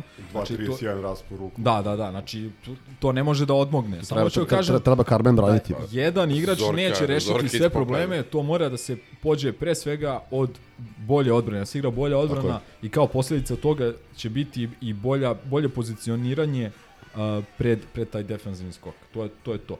Uh, 18-2 mislim da je bio odnos ofanzivnih, ofanzivnih skokova. 11-1 u prvom poluvremenu. Da, da. Ali nerealno. A ne, ali mi, Pri mislim, imaš čekaj, x, x, y situacija da ti, koran, uh, da ti ovaj CNM promaši i on, on je pre na skoku nego naš igrač, ajde, što ga njegov čuvar nije zagradio, nego šta rade centri naše, mislim, gde su? Ali, ali šta, šta je, sjećate studentski centar kako nas je u, u Da. maju, O, da. znači 20 i nešto skokova više su, su imali, pa onda Cedevita Olimpija i tako dalje, znači to je neka ova koncepcija i još jedna stvar koja, koja primećujem da nam dosta fali, a ovaj, posebno je bila vidljiva u prvom poluvremenu utakmice protiv Fenera, fali igrač tipa Papa Petrua, fizički, defanzivno, po tim nekim karakteristikama, zatvori Hayes Davida. Malo smo na toj poziciji 3-4, znači ne, pro, problem nam prave ti igrači koji su negde između trojke i četvorke, koji su visoki, jaki, snažni. Uh, tu imamo mali problem, ipak i trifa je dosta manji, sitniji. Uh, Zašto gleda u danderine gaće, brate, i dlakave ništa. tako da, tako da ovaj, podcast. ma, malo nam i on fali što se tiče odbrane što se tiče skoke, taj, i taj profil igrača malo fali. Ali, ajde da, da arhiviramo tu. Čekaj da, da Bila ne ponovila se. Ikca, masku ko mali.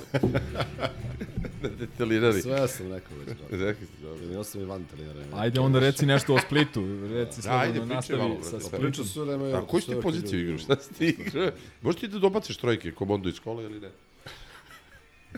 Palio vređalica u vratu. A, je.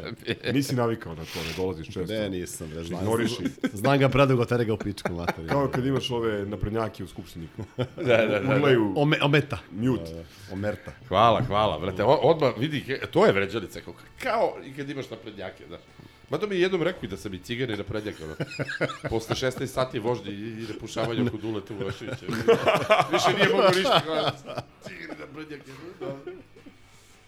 Sledeći, šta je sledeći? Pa Split, Ne znam, Split. direktno iz aviona. Da. Ja sam se malo plašio ove, ne, Svi smo jevi. ne to, mislim, pazi, Split je realno deponija, ti imaš ovog, ovog lažnog, lažnog, Kad je to bili pričao? lažnog Filipa, Filipa Čovića koji do, je došao iz Egipta čovek da igra utakmicu. Ove, ima ono više kila nego, a mislim, ja, nema veze. Mislim, stvarno, ono, ubogi su, ali sećamo se prošle A godine. vučemo, vučemo traumu iz... Što bi Da. rekli, kljasti su. Kljasti, znaš. Pa, prošle, pa prošle sezone, setite se isto, pa su bili onaj Saliven, Šorter, dobro, bio je Mavra.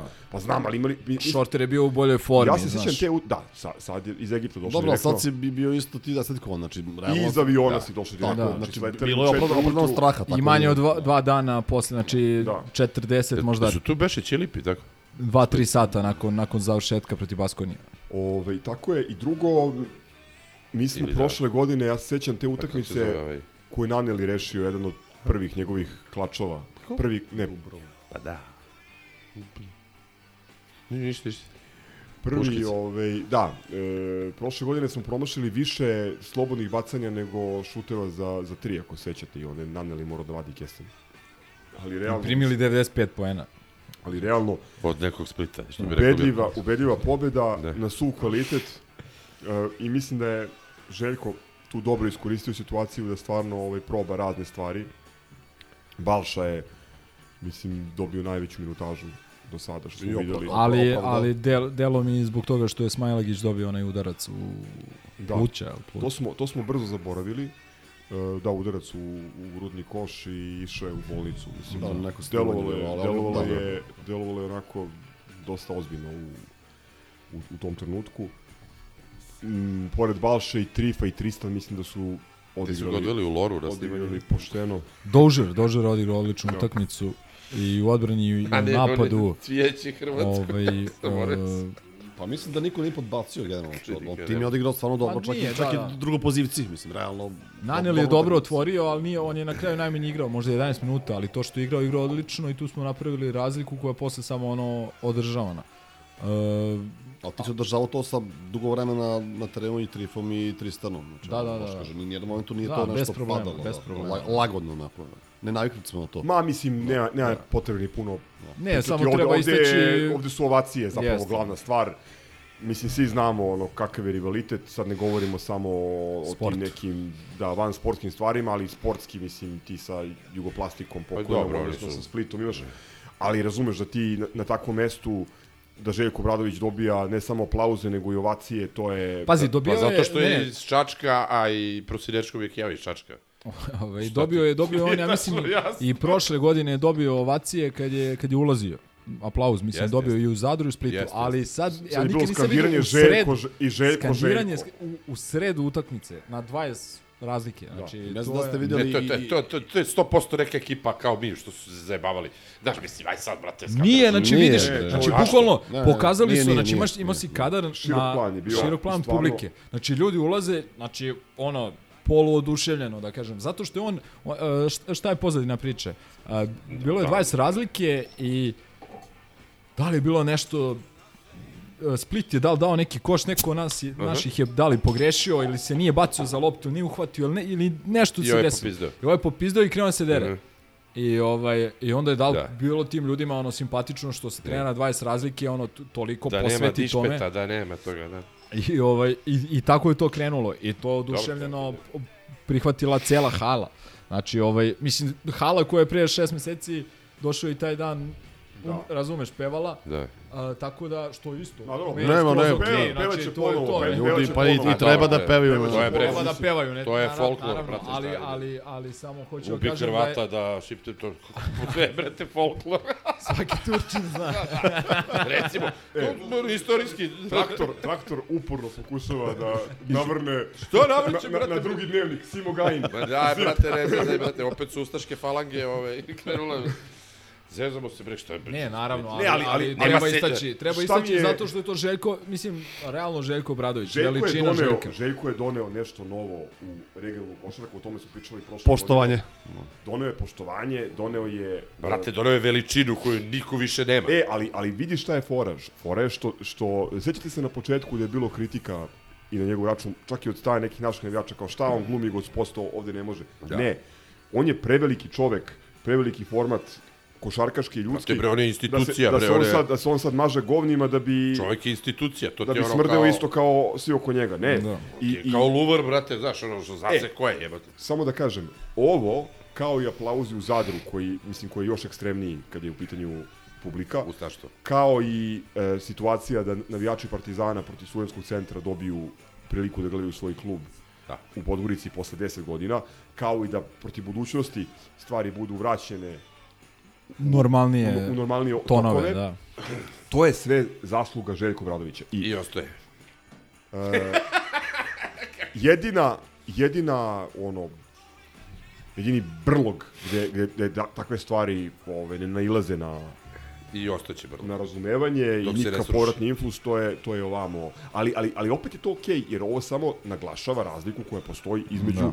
ponavljam, košarkaškog kluba Partizan i košarkaškog trenera Željka Obradovića i onoga tamo što nema veze ni sa sportom ni sa košarkom. Ništa. Ne znam, stvarno će, znači, i kad su utakmica završila, dobili su aplauz igrači, što kao to, tek to s- nema logike, mislim, ako poštuje Željka iz veličine, Nije, ovo- Dobro, ali tamo ima da, ljudi, ja sam vidio u publici da ima dosta starih ljudi u, u, u majicama ili dresovima jugoplastike, znači ljudi se sećaju da je u proleće, odnosno da, rano leto 90, ono kad, kad je Kukoč dobio aplauz, da. aplauz u, u, u hali sportova, razumeš, uh, ono malte ne je krenulo pucanje, ali to su neke stvari, poštovanje, poštovanje ka igri, poštovanje ka protivniku, to je normalna stvar. Ja, ja sam se naivno nadao... Loptu poštuju. Što Poštuju, se pa da. Poštuju loptu. Poštuju žutka. Ne, ali stvarno, mislim, bez zezanja, ono. To je, to je isto, ista stvar kao, ono, i kod nas se to dešavalo y puta, da do, dođe ti veliki protivnik, ubaciti 30 poena, zvidiš mu, ali ispratiš ili dati gol. Mislim, to je, to je poenta svega. To što smo mi predugo gurnuti u ovu neku patologiju koja nema veze sa sportom, kažem, to, to nije nešto na što mi treba da prihvatimo. Ma ne, ja sam ja sam rekao, ja sam u, kod Tegija posle o, baš posle Fenerbahče, ja sam rekao da i ovde ova publika, znači naša publika Partizanova, pruži ruku svakome. Znači da, aplaudiram mu, uh, Musi i ovom uh, Hezonji, pa nam oni vrate kako nam vrate. E onda nećete više dobijati aplauz. Razumeš? Isto tako, mislim, ajde, možemo sada da pređemo polako na tu utakmicu. ja, ja sam to doživio, znači, neobično bilo u Litvaniji. Znaš, da mi njih onako čotkinemo da tebi aplaudira cijela hala. Znači, to Mm. opet je, znaš, ono kao neki teren gde ti Ne, ti- zaslužiš ti- poštovanje, To je i sportsko ti ljudi kućno- znaju, razumeš, vaspitanje. tako je, Da, tako ti je, imaš tako stvarno je, rivalitet tako sa je. njima u slučaju. I poštovanje veliko, I stvarno veliko. košarkaški pravi, znaš, možda najveći rivalitet u Evropi su ti ljudi, i o čemu mi pričamo? Znači, pogledajte vi argumentaciju po znacima navoda koja dolazi s druge strane. bre, To ništa ne, nema ne, sportom. Vi ste iz Zagreba, Hrvati, Da, da, zgazio ženu. Ko deca mrtva znači, jebote, neverovatno. ono, debilčine pazi, debilne, To veze da, sa sportom nema. mislim. I gde su Srbi? Imali ovde Srbi? Imali ovde Srba, da. Ovaj, ali, ali... A i tu imamo dvougao, znači način na koji su skočili sad Blica Z na, na Napiera. Kaže, sve što su Srbi napravili, on je upropastio. Ovaj, To ne, nema veze, znači Zvezda, Crvena zvezda, meni je žao, jer oni su naš najveći rival, glavni rival. Osim što ne postoje u košarci, žao mi je što to više, oni nisu sportski klub više. Nisu oni su bili neki nikad, brate, Para je. politički udbin projekat, Nikad nacionalni, nisu ne bili, bre. Ovo stvarno Ali sa to je sportom najbolji, veze nema. to je najbolji projekat bilo koje tajne službe ikada napravljen. Znači ono Mossad, da, da ima cigane. Sad si ukrao Mossad. misao Dejana Mijača.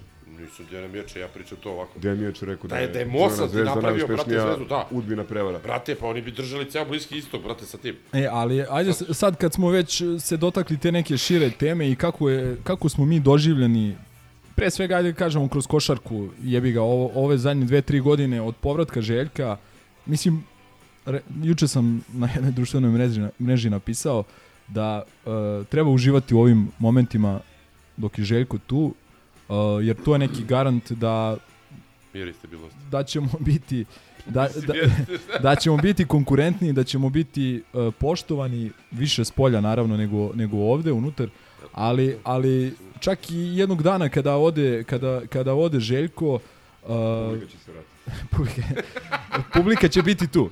To sam htio da kažem. Ovi Publi- da odu, ovi da se ne. Publika će biti tu, jer, jer ako pro, posmatramo istorijski uh, od tih prvih nekih uh, bekosa beogradskih košarkaških svečanosti 80-ih iz hale sportova, pa preko osvajanja tog pionira i pl- plasiranja pionira tamo da je postao kultna hala i mesto koje je, ne znam, uvršteno u turističke atrakcije Evrope. Popularni masi. Tako je. Ne, ne postoji odvratnije mesto od pionira, mislim, arhitektonski. ok, da, da. uh, ali slažeš se da je atmosfera slažem tamo bila ne. u, je- u, u određenom periodu bila je da se Slažem, ono lediti se krv u žilama. Volim košarkaški. Da, da. A, do toga da mi ovu arenu sada pravimo Madison Square Garden od nje i više od toga. KSJP. A, e, i, i, i ne znam šta je sledeći korak, da li će to za 10-15 godina da bude ono Predsednik napravi na poljani dvoranu od 60.000. Ska, Toronto stadion Skydome. JNA ili, ili Surčin, ovaj nacionalni stadion u Surčinu. To Ne, što fali, brate, vidite. Ili Ne- je predsednik Toronto Skydome. ne On je samo pokazao da, da vizija je prosto Ako dovoljno veruješ, mi kesu, ako ti život da limun, ti napravi limonadu. Tako da, Uh, ali stvarno šalu na stranu, nemam pojma. De, de god... Gde, gde, god, gde god da odemo, gde god da odemo, ti, ti si... Uh, Ma, ti si, pa, da. ti si frapiran uh, ljudima uh, koji dolaze da, da dođu da gledaju Partizan. Uh, sad smo pre emisije, evo, uh, šef Gaza je kasnio zato što je čekao red u, u KK shopu koji se nalazi neposredno u, u neposrednoj blizini ove naše lokacije studija Hrizantema, gde je ne znam koliko reci, koliko je stranaca Bilo bilo. je 10 stranaca, pričemu u sve vreme ulaze ispred mene i to su kupovine to su neke nerealne ovaj cifre. posle- Traže da im se popuni ono za otpis da, eh, da. PDV-a. A, da. Uj, Dotle došlo. Neverovatno. Kako radi, radi naš Sibin, brate, to je Ajde, nestvarno. idemo posle da krademo, brate. Fali, brate, da vidimo kako... Pozdrav za, Testiramo. pozdrav za Sibina. Ovej, Ne brini, ne sluša. to- Vodete to- lopovi. Vodete, vodete lopovi. Ne znam, evo Tegi, Tegi je sad slao snimke ovaj, u Vitoriji došla je porodica, komplet Iz porodica Portugala. iz Portugala. Ej, port, kakve veze, Portugal. Ja, Evo, sa, sa nama je znaš, bio, ono. sa nama je bio jedan Kris iz Bristola, Milenko, ovaj, koji je pre Partizana protiv um, Fenerbahčeja gledao New York Knickse u Madison Square Garden. Čovjek je izašao zabezeknut. Da. Ovaj, evo, Onda pokazuje zavidno znanje o košarci za jednog Engleza, moram, moram Pa priznati. dobro, da, ali, ali čovjek nije mogao da veruje, mislim, Da. šta se dešava. Mislim, apsolutno, Ne, dobro, kako to? ne, ali, ali ne, da, samo, ne samo ta atmosfera oko koje i dalje postoje debate da li je dobra ili nije i ko TikTokuje, ko Instagramuje, mislim, potpuno nebitne stvari, nego generalno, uh, ono što mi Pasija. negde, da, da, bukvalo to, mi to uzimamo zdravo za gotovo jer živimo to neko duže, neko kraće, ali jako dugo vremena, ta neka strast od one dece tamo u prvom redu, ona mala koja, koju Željko high five svaki put kad uđe, koja je nosila dres Madara, ne znam da ste primetili to, vrlo I simpatično. Teodora Džekverović isto. Do Teodore Džekverović, do, ne znam, one, one dece koje ljube Pantera u, među lopatice, razumeš? A znaš što je fora, što ti, ti kad recimo kad bi mogao da napraviš kao sad da snimaš jednu osobu i njegove reakcije u toku utakmice ti bi imao neke 20.000 priča, razumeš, ljudi su potpuno nenormalno državaju to na načine naj, najluđe moguće. To je on meni rekao, znači, tebi on nije mogao da veruje. A je, pa šta ima veze? vidi, on nije mogao da veruje, nije mogao da veruje u smislu da tamo imaš neke ljude, mislim, u godinama, mi- ajde, mi smo Da. u godinama, ljude koji su Ja ozbiljni, nisam. Koji su, Da, ma je. zavaravaju se, teši se, E, teši se. je, je student jebeni. U u tvojim godinama se. Hrista su već razapeli, sine, ne znam šta ti radiš ovdje. Pa nešto mi to nije cilj, brate, iskreno. Ne, kaže, ljudi koji su po svim objektivnim Ne, mnogogradskim parametrima vidi, a, normalni da, okej. i ozbiljni, Okej, znači a- ponašaju a- se kao Ali pri da tom su pričamo, sišli s uma, razumeš? pričamo o Britancu koji, prvo, košarka mu je totalno strana stvar. Znaš, Dobro, nije, on, on, on razu- Ok, ajde, da. taj, ali generalno ti kažemo, njima je a, znaš, doći će Grci, doći će Turci, njima će negde biti ovo približno. Evo, sad su, Da. sad su, bil, sad su bili ovi, neki, neki Turci Da. iza mene u, u šopu. Lik je kupio ono rekao je dajte metar i po ono štendera, razumeš? Znaš šta, fora je što naš derbi počinje da, mislim, počeo sam u stvari od derbija, to nekad je bila kategorija derbi turizam i to je zaista, znači u Srbiji bilo vrlo intenzivno, a sad imaš turizam vezano za KKP. Znači dolaze ljudi, ono ne, ne, ne, ne, daju pare, sve moguće samo da uđu na utakmicu, da bi doživjeli to. Tačno. Tako da, jebi ga, veliki smo. Ja sam da imao kažem? Ja to vama ljudi pričam, i, i, apropo ono mentaliteta navijača KKP i FKP. Dva- Dva sveta različita, a isti klub pratiš, isti smo. Ok, Bečem, ima, ima nas, ima nas. Mnogo smo veliki. A to, ok, Pe, to znači, da, da. ge- kažem, Da. u Evropi smo, brate, mi, ono, Eglesa, ne znam, Ali pazi, bar Egal, ako nismo veći, Real, Barca i to. i sav taj propratni sadržaj ono u, u prilog ove Vilijeve davne priče o areni i tako dalje, šta znači ta arena? Evo samo uh, mislim da Ilija ti si poslao juče, ja sam ušao malo pre da vidim uh, brojeve pregleda na ovim Da, da, da, da, da. snimcima Da, ne- ne- Euroliginim. nestvarne razlike, Znači, nestvarne. evo devet snimaka, da kažem uh, da uporedim samo, znači uh, snimak, dve, dva snimka koreografije naše pred početka utakmice sa saletom i sa, sa onim balonima. Uh, kakve koreografije, kakvi bakrači, ali o, znači jebi ga, dve- 2023. godina, ovo je nešto što se pamti, ovo je nešto što ostaje uh, ono u sećanjima svi, svih ljudi koji gledaju ovu utakmicu uh, kraj malih ekrana, a pogotovo kod ljudi koji dolaze tu i pogotovo kod dece. 1,4 miliona i 922 Pregleda u- hiljade. u dva dana. U, da, u dan i po. ka- fazon. kaži- kaži ostale, to je suština A priče. ostali, evo, Kampaco, nekada verovatno asistencija, ne znam ja, 425.000. Pogledajte samo Pazi ovo. Butinika. listove, listove. Pogledajte E, listove, duše. ali, ali, ja vam govorim za moje butine, ne. ali pazi ovo, znači, pazi ovo, pazi ovo.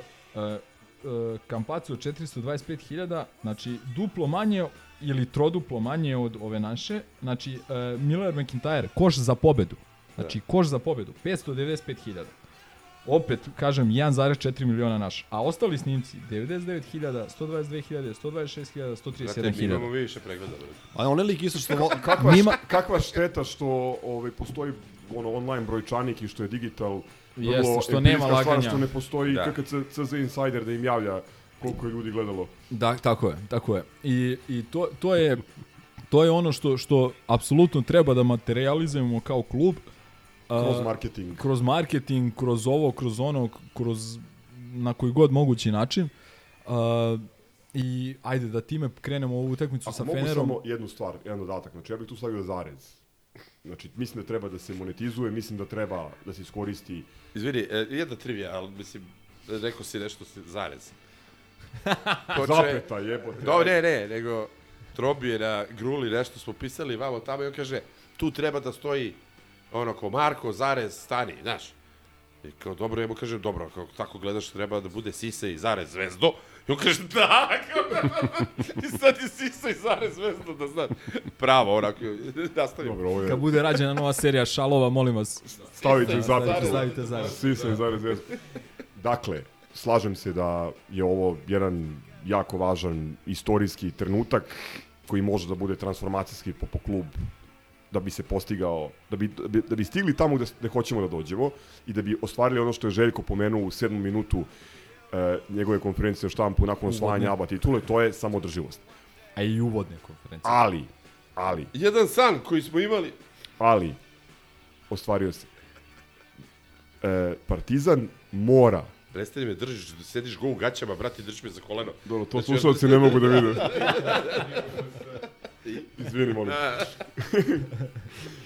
Mo- Partizan mora da, mora da vodi računa o tome da je ipak osnova Partizanove snage u onim dervišima koje je Dule odnegovao u njihovoj deci.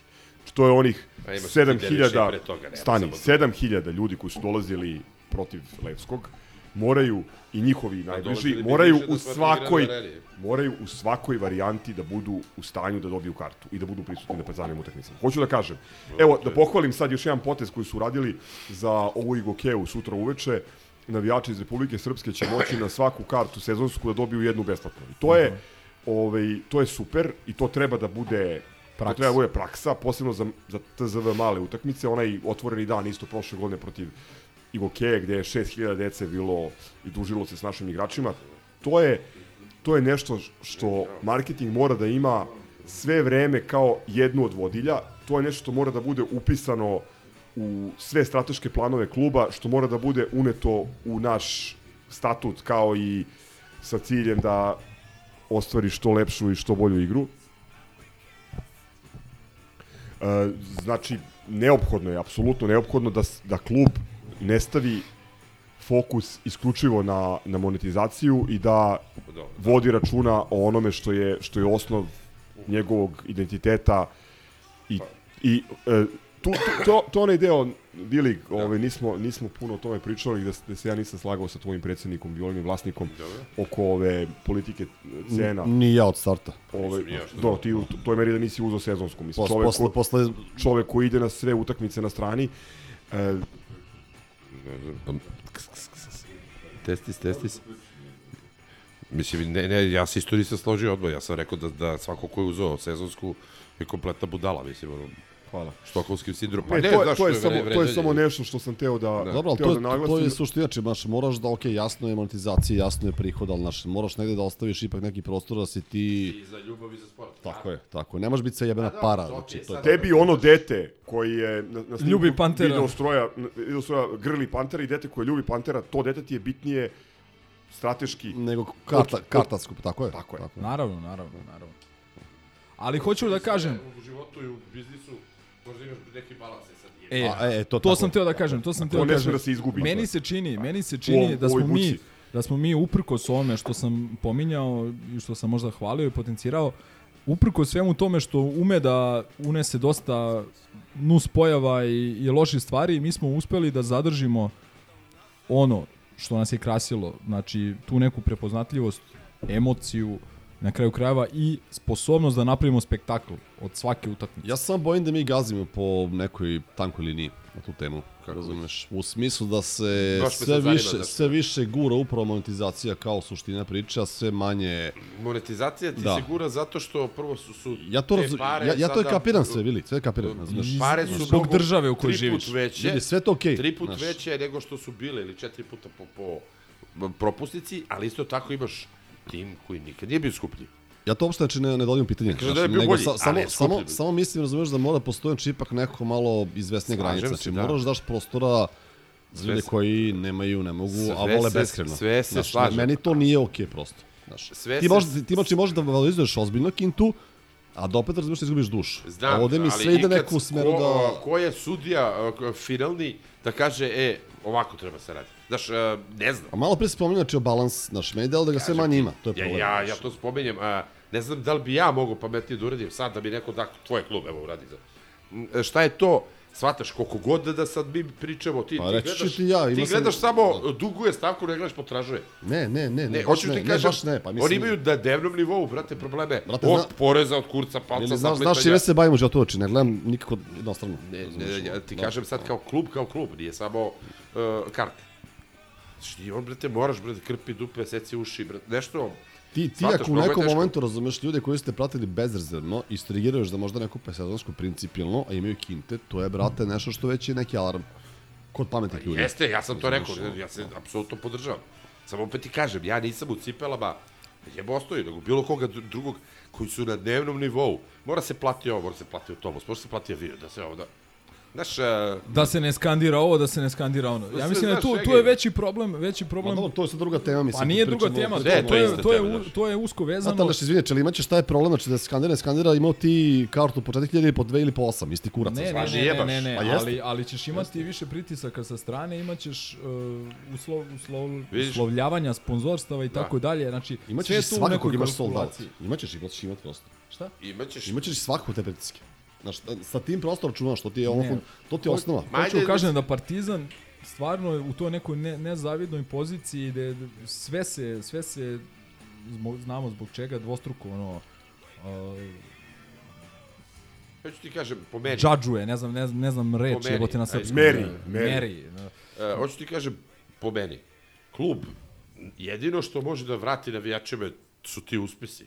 Apsolutno. To je jed, prvo i poslednje. I Sve nek ostalo vrati su, to i sve Sve okej. ostalo su više manje, je, mislim, brate, kapitalizam. Sad sam ja kriv jer smo upali u digresiju, u suštini govorim, mislim, preanaliziramo. I dalje to nije... nije Overthinkujemo. Nije, Ali smo out of over, box. Overthinkujemo, Da. definitivno. I dalje to nije dramatično. Ja sam... Ma ne da nije ja dramatično, dao- nego ljudi kako je bilo protiv Fenera. Ja sam Fantazija dao, je. Ja sam dao jedan konkretan predlog, znači, pohvalio sam. Okej, sad čekaj, ajde vezat ćemo dva poraza, tri ne Bože. Pričam ponovo. Ja o Ali tome je pričam, poraza. čekaj se ali vidi, vidi, vidi. Nisi imao seriju. Ajde ovako, da budemo, da budemo konstruktivni i forward looking. Ove, dive. dobar potez, dobar potez sutra ovo plus jedan za Jest. naše navijače Republike. Srpske. Ja bih to raširio, pre svega kad su deca u Povedi pitanju. ludaka. Povedi, E, kad je povedi, to radio, brate. Povedi ludaka, ali povedi ludaka u trenucima kada to ima smisla. Da. Jer, jer meni ludak i sivca koji voli Partizan više nego Ćaleta i Kevu, Jest. on mi znači u dvorani protiv ne znam, studentskog centra ili protiv, protiv Krke, apsolutno više nego navijač ovaj, sa strane koji je došao i platio 6000 A dobro, dinara. sad, o, znači ti neko Stra, strateški ti Ali znaš, gledaj, ali vidi, vidi, opet vraćamo se, vraćamo Ne, se ne, na kapitalizam. Ništa, ništa Čekaj, ne delim, samo hoću kažem da postoji način da se napravi balans, jer Postoji, te, ali- ta mesta Po- neće biti puna protiv Krke. ali gledaj, vidi ovo, Samo to je vidi ovo. Taj stranac što je došao, ostaće neki Markus, brate, košarkaški. Ne, ne, ne, Ne. ne, ne, Bili, nemoj da me shvatiš pogrešno. Ne, ne, Partizan je preveliki klub, da. znači kad govorimo i o igračima i o Pre- igračima, e, to, i. Partizan pripada svakome koga voli, razume i prihvata kao Pre, svog. prevelik, to ja ono vama Ja samo kažem da klub ne sme da izgubi iz vida nešto zbog čega je to što jeste. A to su To je- navijači to je kao što poenta je moje priče, tako. neki, kao što su kidare sa Crk nivoa alert. 400 i neki klinac iz Crk Sivca. alert. Evo, može Tonac nešto da doda. Ovaj, Izvolite. a, pa, bio ovde sa stolom okupljen preko 200 godina. I dalje se bavimo onim čime smo se bavili kad smo prvi put otišli Centar i play. ovaj, a, kao klinci na stadion, a to je da li će se, da li će se ljudi razočarati, a, da li će se pokvariti atmosfera. Jebo to, mislim, evo ja sam poveo ludaka ovom prilikom Sandija, drugara iz Slovenije. Pozdrav za begunje. Pozdrav Lepo za begunje. Da, jest da nas ne sluša, ali nema veze. Nebojša će mu prenese, valjda. O, d- razume, razume. E, ovaj, a, i kažemo baš treća četvrtina, ono, minus 10, a arena se ruši od, od navijenja. Rekao, gledaj ovo na, na minus 10. Jesmo rekao, znaš kako je bilo u pioniru, brate? Da, naravno. Mislim, ne, rekao sam, pionir je ciganska hala, znaš, Ali- hala sportova ipak. ali, znaš- Bekos. A, ljudi, a, ni- ne može čak ni, ni loša cenovna politika ili ne znam šta, Instagram navijači da, da, pokvare eto, to. to- Jebi ga. da- nažalost, e sad, videli da smo da sreću. su Videli smo su i one fitness bliznakinje proslave to. Mislim, to je hype, jebi ga, šta se Gde radi? si ti to video, da se ne. Pa Šta su bre fitness bliznakinje? Pa šta su fitness bliznakinje? Pa nemam pojma. Influencerke neke, šta? Ozon, ozon. Ne. Ne, ali čekaj, sad su to neke influencerke, šta? Ma da, Slao sam pola tiktoker. Ne, gledao sam, Ali- ali si nisam... E, ali šta, moj samo jedan utisak je ono uh, meni se čini da KKP polako postaje ono što su ne znam Boca i River u fudbalu. Da. Globalni fenomen. Apsolutno. Ali uh, nije uh, ne na uštrb emocije ljudi koji su tu, koji su ono iz Buenos Airesa ili nemam pojma. Znači videli smo one klipove, došlo ih je 200.000 u, u, u, u ovaj Rio de Janeiro da gleda finale Copa Libertadores, onaj klinac uh, u plaču priča kako su prodali kola i njegov PlayStation da dođu da, da dođu da dođu, da, Da. dođu da gledaju ovaj Umesto finale. su ukrali nešto. Budale. Mnogo verovatnije. verovatnije. Prodali su. ali, ali hoću da kažem da me, da me u tom, znači, e, jedno ne isključuje drugo. E, Daj da mi uradimo ono što je da, do nas, e, da pokažemo da nam je stalo do toga, da ne dozvolimo da nam te neke marketinški trikovi vamo tamo, da, znači, jednostavno isključite se, taj neki tiktoker, instagramer, Pa da. meni ne smeta lično, boli me dupe, ko je, šta je, nije mi simpatičan, jeste, ne, nebitno mi je, ali imaju ljudi koji, ne, koji, koji na, na o tome treba da razmišljaju. koja da. se zove Breskvica i Teodora Džekverović. Nebitno, oni ti pre nije prave isto, hajde. nije isto. Znači, Te- Teodora Čaherović i Breskvica, misliš šta god ja mislio o njihovoj estetici, jeste, da. su navijačice Neko Partizana. je Breskvica, neko... Znaš, Da, a da. o, ova, ova svaka je čast, evo, kapa dole, Jeste, to ja da. javno kažem, znači, Breskvici. toliko, ž- žena je, ono, da, baš to. To- totalni žena, žena, da, da. žena doživljava mobbing, Da. žena doživljava maltretiranje. I nestaje. I- e, i ne ustukne. I ne pravi, znači, kao lesor, Da, kao lesor, jeste, da. samo na toj treš, da. na toj ko treš, tera kurac i dalje. na toj Da. treš sceni, svaka je čast. To treba se da E, 700.000 hiljada A pratilaca ovde na imaš- Lesor, nije a o- video 700 hiljada. Mislim, Ne, ne, a hoću kažem, poredim sa nekim tamo likom koji ne zna gde je došao. Dobro. Nije to sasvim isto. Okej, da. E, mi se potpuno slažemo. Poenta je da je monetizacija ne- nešto što ne može da se zaobiđe, posebno ako nam je cilj, a jeste, složili smo se svi, Že, a Željko je to Licenca izjavio. i samoodrživost. Tako je. Ma tako to, nam je, je, to- to je to normalno, nam je cilj broj jedan. I Tako je. sve što radimo treba da bude u funkciji toga. Ono što nije u funkciji toga ne treba da radimo. Ja samo kažem, zato onaj zarez, odnosno zapeta pre 15 Od pre. minuta, opet 15 minuta, da ipak mo, da bi to, si se zarez zvezdo, da bi to bio partizan i dalje, a ne neki, ne znam, neka mega ishrana, mora da, znači moraš da vodiš računa o onome što te Jeste. čini partizanom, a to su klinci i sivca. Jeste, ali evo, mislim, klinac ja ljubi... sa Sivcu što koristim klibac, kao... klinac ovaj, ljubi apsolutno. Pantera. Apsolutno su klinac pravu, ljubi nema Pantera. Znači, Sivac je ozbiljno igračko mesto. Ma ne, ne, svaka, koristi ja obožavam, ja obožavam Tirana i Sivca i Pekmena, samo kažem da, zato, zato sam ih uzeo kao, kao personifikaciju Mali gači, čistog. Keva, Zavac, čerke kurava. 10 godina u- Osam godina prvi list ste bili... cigani, čečeni. Vi, vi, vi. Ja, Čelavi degeni. čelavi debili.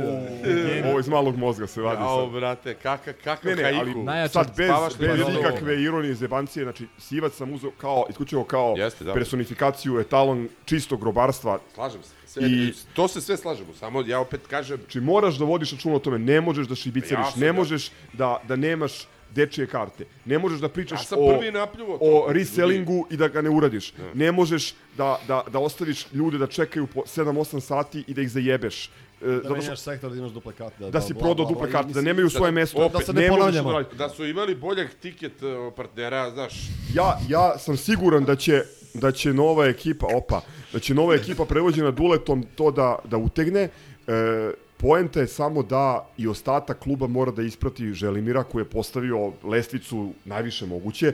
Ako ćemo da budemo to nešto, mislim, Ele, filozofski, metafizički ti neki... ta neki, Lakersi, brate, da, gde ti je Jack Nicholson ne, ne, ne, ne, ne- bukvalno moraš da budeš po, po svakom osnovu i kroz tiketing. Znači, od tvojih kolega Logex koji čiste ovaj parket do o, do marketinga koji je stvarno... Cheerleadersica. A, tim, da. A, tim.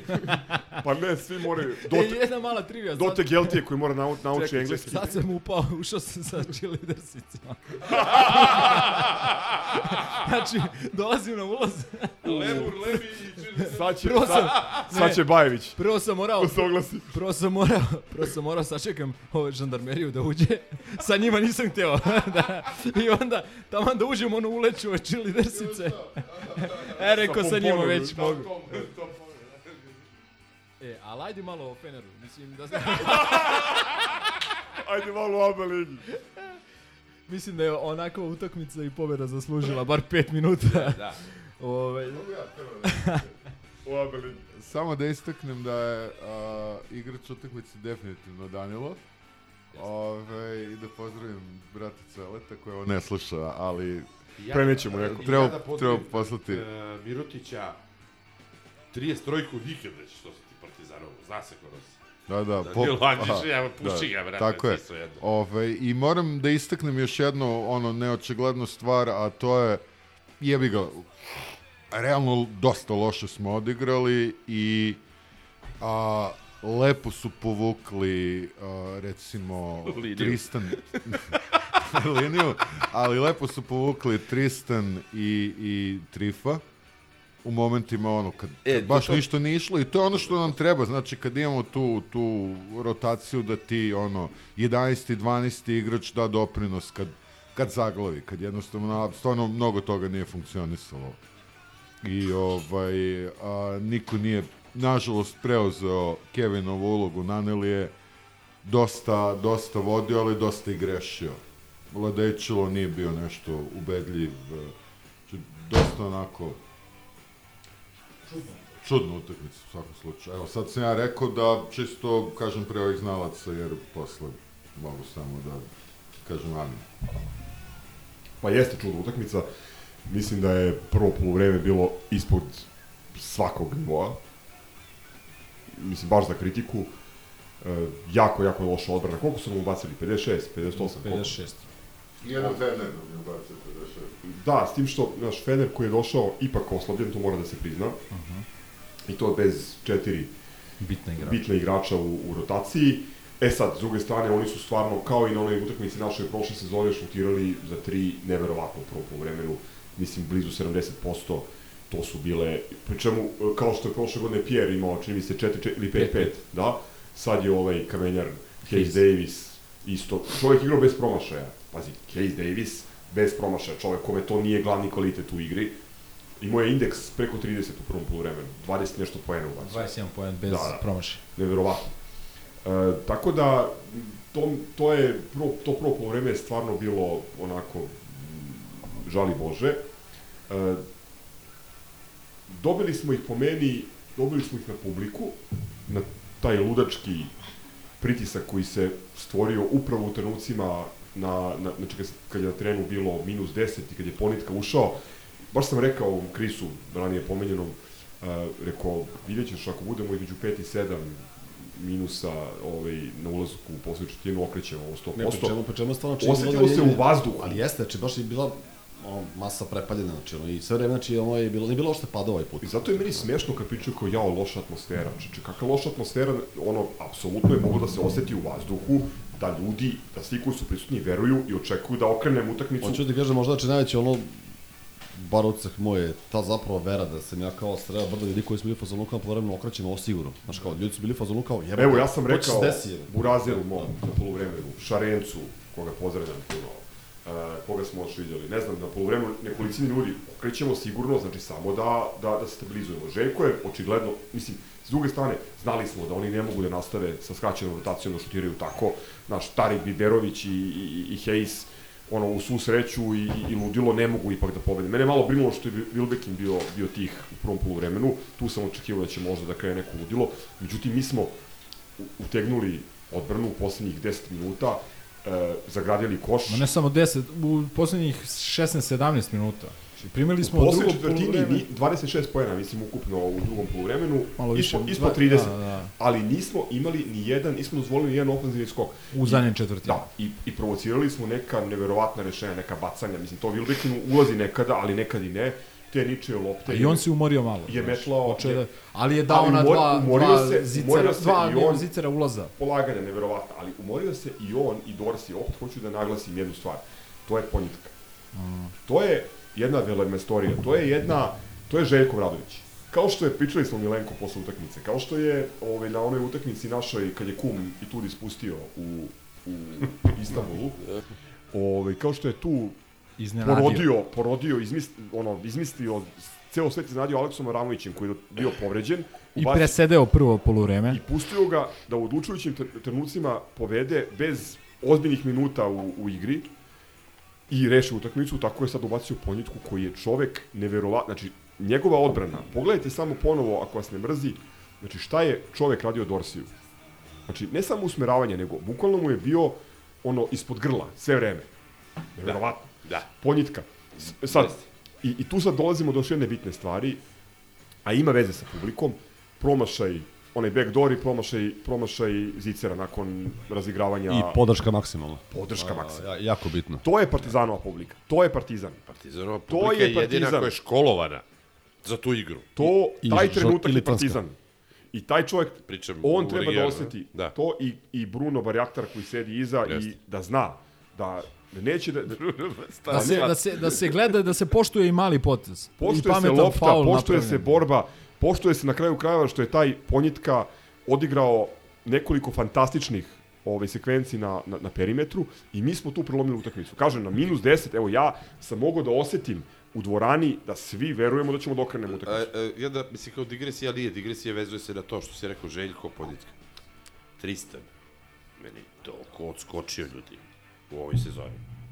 Ja ne znam da li ja sad samo imam takav... A nije, samo za, zadnje tri utakmice, znaš. Što ne bilo, što ne ali bilo to je, teško u odnosu ali to je. Željko vrlo, vrlo jasno Švedsku, nabo na konferenciju jeste, štampu. jeste, da. Rekao je, Napad super, odbrana nula. Sve okej, ali hoću ti kažem, to je voljni moment. jeste vi sećate, ti je došao šesta raslopljen i brete, ni, ni, ni za šta to nije bilo. A nije, pričali smo, on je fizički, on je, pazi, on je predisponiran, on ima talenat, on ima neverovatno telo, ali de, on je dete 21. veka, razumeš? Znam, on je, on je ti tiktoker. kažem, Željko mu je, znači, digo ga je tri klase, brate. Stvarno, evo, to, to ja tako On primećujem. može da ga digne osam nivoa, A. ako bude odlučio da hoće da bude ozbiljan igrač, a Da. ne cirkuzant. Ja mislim da tu postoji još jedan problem. Uh, ugovor. Ugovor. Zbog uh, NBA. On, uh, pa ima NBA, ali pitanje je da li će otići, pitanje je on da li, on i, da li će i narednog leta biti spreman za NBA, ali on, njemu ugovor ističe, mislim, sledeće leto. Ali znaš šta, I sad se tu postavlja pitanje... Belac od dva Da li vredi kusur, brate, da li, investirati. da li vredi investirati u nedokazanog mladog igrača, a recimo Balša koji ti produži ugovor da ti sedi na klupi ili, znaš, to su neke stvari koje e, Da, da, upravo te- Strateški. To, to je neka šira slika. Dobro, jeste, stvari. naravno, Sad, sad- sad imaš još nekoliko kad je došao ovaj, da. visokih šutera tu. Jeste, Ovaj, a- ali, ali šta, šta, je, šta je definitivno činjenica? Činjenica je da i prošla sezona pogotovo nas je naučila, a i početak ove, da će prostora biti za sve. Znači, to nema ko, znači, ja, brate, koji sam trenirao košarku, što ili kaže, pre 100 godina, da se pojavim tamo, pa uveo bi me dva minuta, znaš, protiv neke Zadra ili ne znam ja, na 40 razlike, čisto da, da odmorim nekoga. Savo Drezgić ušao protiv Splita. Splita, da, eto. Znači, to, znači, svako će dobiti tu šansu. Dobiće i Balša. Dobi, sad ima dosta komentara zašto Balša nije igrao one dve, tri utakmice. Ne znam, ali ja verujem da je to u najboljem interesu i tima. Ne, možda je bio nešto i- povređen. Ja, ja možda mislim, je nešto... nešto Znači, minorno, Željko da. ih gleda na treningu, gleda ih... Ne, ne, mi ne, znamo, mi ne znamo. Možda je to i, da kažem, kazneno nešto. Možda mi ne znamo kako su oni trenira, trenirali te nedelje. Znači, Pa što hoću da na kažem, kraju mi, mi smo znaš. pre utakmice pričali da očekujemo da na Papajanisa Ide Balša, ide recimo, Balša, par i da pet minuta, faul. znaš. Ali, ali s druge strane... Koji je opet- počeo protiv Barcelone. Tako je, ali opet Željkova vel, velomestorija. U trenutku Kaminski prvo polovreme užas. Međutim, e, Papajanis ne ume da brani pick and roll, znači potpuno je ono spore noge, loša koncentracija, loš fokus. šta, šta je uradio Kaminski u, pre, u presudnim trenucima? Znači Da. s onim otvaranjima. Ali ne samo Popajanisu, nego i Motliju. Ako sjećate koliko je recimo Smiley, pazi, Smiley koji, koji e, da kažem, važi za boljeg defanzivca od, od e, Kaminskog, tu se svi slažemo, Ovoj Motli ga je četiri puta uneo i zakucao mu i pokazio mišiće i drao se u publiku, što mislim da mu nije išlo u prilog. Mislim da je još dodatno dao ovaj kako se zove publici malo neke jeste gasa da da Dobro, kad je debil. da a, ovaj Kaminskom to nije uradio Motli recimo Znaš, pa je onda Kaminski ga na, na faul, vamo tamo, znači generalno, ali to je poenta, poenta priče je da uh, Znači, nema u evropskoj košarci više Dražena, nema više Saleta Đorđevića, nema, znaš, Bogdana nema, Bogdanović. Bogdana Bogdanović, znaš, nema neko ono, znači jednostavno neka ti neki igrač leži, neki ti ne leži od utakmice do utakmice. Zato, zato treba imati razumevanje za ove naše igrače, i za Kaminskog koji je tek došao, i za Smajlegića koji je mladi igrač. Neki igrač mu leži, neki ne leži. Nekad će odigrati bolje, nekad lošije. Na kraju krajeva i Smajli je uprkos tih nekih par uh, defanzivnih propusta dao 13 poena, ja mislim, odigrao dobru odbranu na njihovim bekovima u onom sviču. Milenko, čovjek bio u bolnici tri dana ranije, znači, Apsolutno. da ne zaboravimo to, nova, mislim. no- nova dimenzija svega. Znači, samo, samo uh, mislim, hoću da kažem, svi kad gledamo utakmicu, mi gledamo utakmicu kao da je to početak i kraj sveta. Kao utakmica Potpuno završavamo, z- završava ako izgubimo kraj sveta. Znači, nije kraj sveta, ima neki kontekst, ima neka, neka priča, svi oni žele, znači, svi oni žele da se dokažu, pogotovo na euroligaškom nivou. Ajde možda u ABA ligi neka kon- koncentracija, želja i nije možda na nekom nivou, kao protiv Mege, ali na, na evroligaškom nivou, pa nema šanse. Znači, prvi taj Smajlagić želi 15 pojena prosečno, ali nekad će uspeti, nekad neće. Samo za Kaminsko, ako mogu da kažem još dve stvari. E, mislim da je u, tom, u tim prelo- prelovnim sekundama, minutima, trenucima, on, Andjušić i Ponjitka su bili po meni ljudi koji su, koji Da. su prelomili. E, Kaminski, to sam u, pošto sam naravno juče ovaj bio pod adrenalinom, pa sam pogledao i, i snimak. E, odbrana Kaminskog prilikom preuzimanja, Milenko, ne znam da si video, switch na Vilbekina, usmeravanja i znači, pozicija tela, Kaminski. Ja sam siguran da... Ma ne, da, on- ja sam siguran, pazi, ali to, a mi govorimo posle dva meseca sa rada sa Željkom. Ljudi, imajte strpljenja, molim vas, čovek se privikava, ali samo pogledajte Pa taj deo. PJ isto, brate. Taj deo, taj deo, znači, na, njegovo preuzimanje. PJ je, PJ je direktno krivac, pod znacima navoda, za, Basković. za ključnu otetu loptu, koja je Da. došla Andjušiću u ruke. Da. I to je poslednja stvar koju hoću kažem. Andjušić. Kritikovali smo ga puno zbog toga što se što daje 30 poena protiv ovaj, Krke, a ne pojavi se na derbiju i ne može da pogodi trojku. Danilo Andjušić je odigrao verovatno najzreliju, najkompletniju utakmicu sigurno, sigurno. za Partizan. Sigurno. Spustio je slušalicu. Ne računam onako prošle sezone, ali čovek je odigrao i povukao je u trenutku nije imao ko drugi realno da uradi. Bez, znači sa Avramovićem razmagnetisanim i bez Pantera, morao je da se pojavi neko. Evo, samo, znači ta oteta lopta, pogođena trojka u, sla, u slanje Vilbekina da. po pecivo, uh, razigravanje Smajlagića, Ma ljudi, i, i bacanja ključno pogođena. Ma, ma, zrelost u E, e, može plus odbrana, može plus, Trka što kaže. plus odbrana, plus poslednja odbrana na Dorsiju. Ušinuo se ovde, brate, da, da, da sladoledom. Stalno priča je. E. Ja bih samo da istaknem, ovaj, pored, po meni, apsolutno potez utakmica, to je ovo slanje Wilbekina uh, po Burek i Iron u Istanbul. Ovaj, a drugi potez utakmice po meni je o, ono građenje, pravljenje livade Kaminskog kada je, kada je Anđeša položio ili šta već uradio, ovaj, fantastične minijature, stvarno. I to u jako bitnim momentima. Bio je skok u napadu posle prom- promašene trojke Kaminskog na početku čet, uh, četiri četvrtine kad se isto Ma ne, igrač utakmice Ti, ti, definitivno. ti kad bi znači, sad izlovano gledao utakmicu Ovanđušića i da ne gledaš sve ostalo što ranije bilo, ti bi rekao jebote šta je ovo, ko je ovo, ko je genije. Znaš, Znaš, rekli smo ovo- letos posle... Ne. Ne, ali znaš šta je problem kod posle? Banja, posle Laktaše Open, rekli smo, znači čovek deluje, došao je, pojavio se fizički u boljem stanju nego ikada kod nas i deluje da može da, da doprinese. Hvala Ivani. Ma ne znam A, kuva, je, ali hvala. Andjušić ti je uh, na, naj, najlakša meta u Partizanu. Da ga. Dobro, cvele, okej, dobro je sad. Ne, ne, kažem ti, ja, ja ga ne hitujem, nego ti ne, najlakša meta, zato što prvo, bre, onako, sam po sebi antipatičan, znaš, za šamarčinu, tako da ima takvu facu. A, nije. Jeste, brate, zato ga i ne vole ljudi, nema harizmu. Imaš ono poremećeno na Aleksu, ali kad se raškizi, je onako, meni malo, znaš, nje, a mogu bi više njega Da, nekako, na, znaš. na, na, na, na.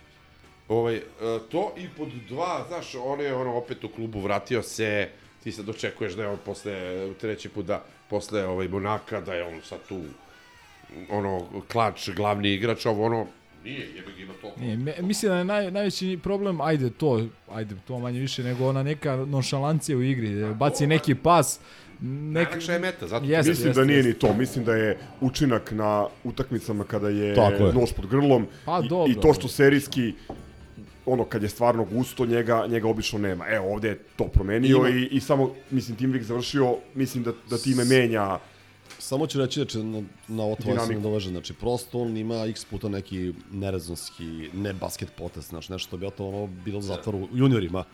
I to iritira kad se lomi. Znaš. ja sam E, očekivao upravo da to. O, o, prosto je bolje kad daje A ko je poene, tebi rekao da će da će Kaminski da istera Motlija napolje? ti, jesi, stvarno jesi, znaš. Jesi bez jebanci. Rekao si ono u tom momentu bukvalno pre nego što Dobro, on je Mo- rekao Motley da, dobio, i, dobio, da je Beko Fofana, brate. A Borko Veselinović? I Borko Veselinović.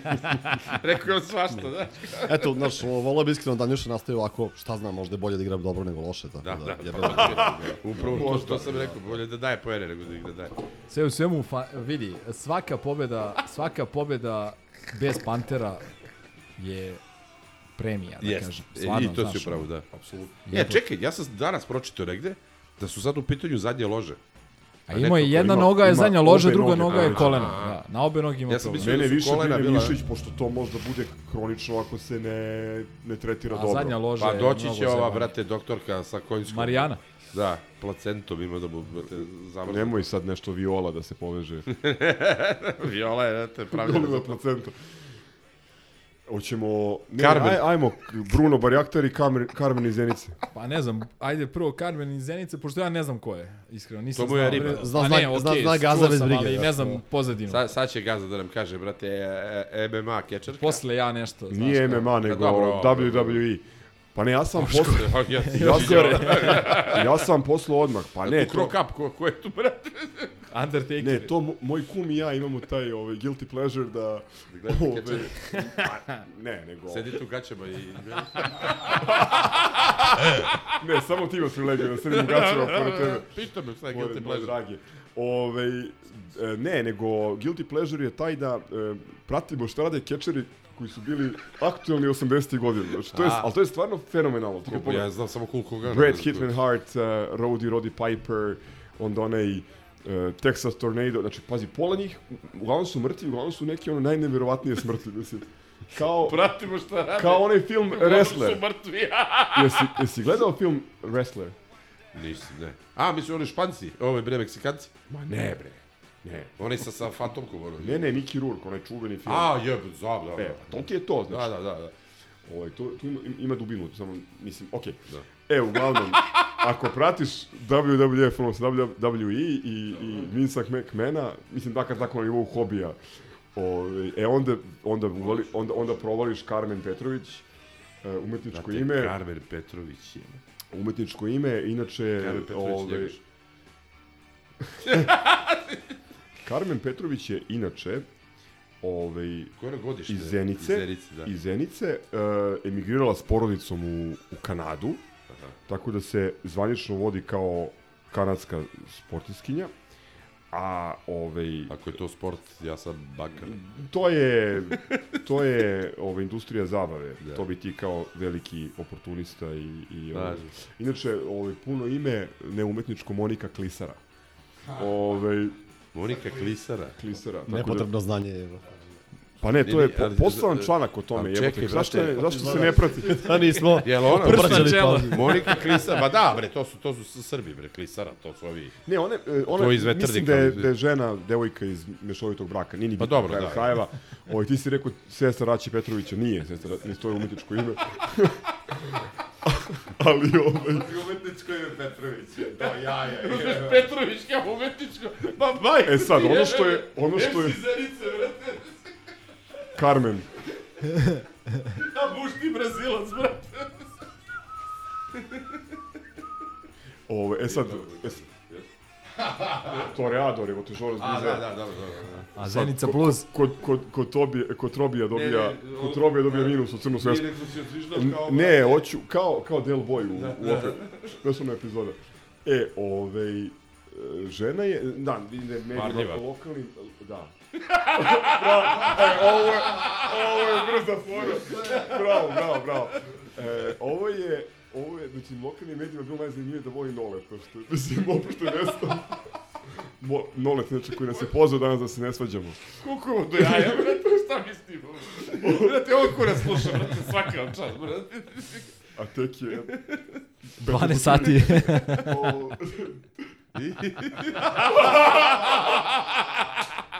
Opa, idemo, a? ne daj da stane. Speed dating ovde, brate, fore, ajmo. Kako sipaju brze fore. Brzinom munje. A godine iskustva ovo je da. Da, e, znači Carmen iz Zenice, pozdrav za Zenicu i za našeg e, vernog slušalaca, slušalaca Nadine za njegovu porodicu. E, imamo Pozdrav. slušalce, imamo slušalce i u Zenici i to ovaj mislim da je da je trenutno on tu. Pa verujem, da, li je verujem, da. poslom. Nije ni bitno. Um, pa zapratite na, na aj neću da, da spojim, zapratite na, na, na, na Twitteru, vidjet ćete da ima Koga našeg, našeg slušalca iz Zenice ili... Ne, nego Carmen, Carmen, A, Petrović. okej. Kaboklo. Znači, još jedan čovjek sa... A ne, mislim da ne trebam da pričam o njemu, brate, nebitan je u celoj ovoj priči. Jebeš kabokla, brate. E, ali samo još jedna stvar. Pitaćemo ga da li voli ćevape. Pošto Grober i, da li peva on Dream, ovaj, kao Jago, da li ga je naučio, ovaj, već mu je dao Do Santos, puškice. da, da, da. puškice. Ovaj, Boko Petrović. Kaboklo Petrović, Barjaktar... ne, to je ta glavuđa, uh, mislim da... Iz koje je taj favela izletao, da mi je znati, Pa ne, pazi, ako su ga prodavali mm, neukima na draftu kao Kevina, novog Kevina- Kevina, E, Durenta iz, iz jel- Južne Amerike. Jel ima Aca Petrović veze s tim? Jel ga on nešto kao menadžeriše ili... Ne, nego je ga je trenirao. Ovo, Pa ga- bio je selektor, pitam, znam se selektor, Brazila. Zato selektor pitam, menadžer. Jel ga on, jel ga Selektor on nešto gura ovde?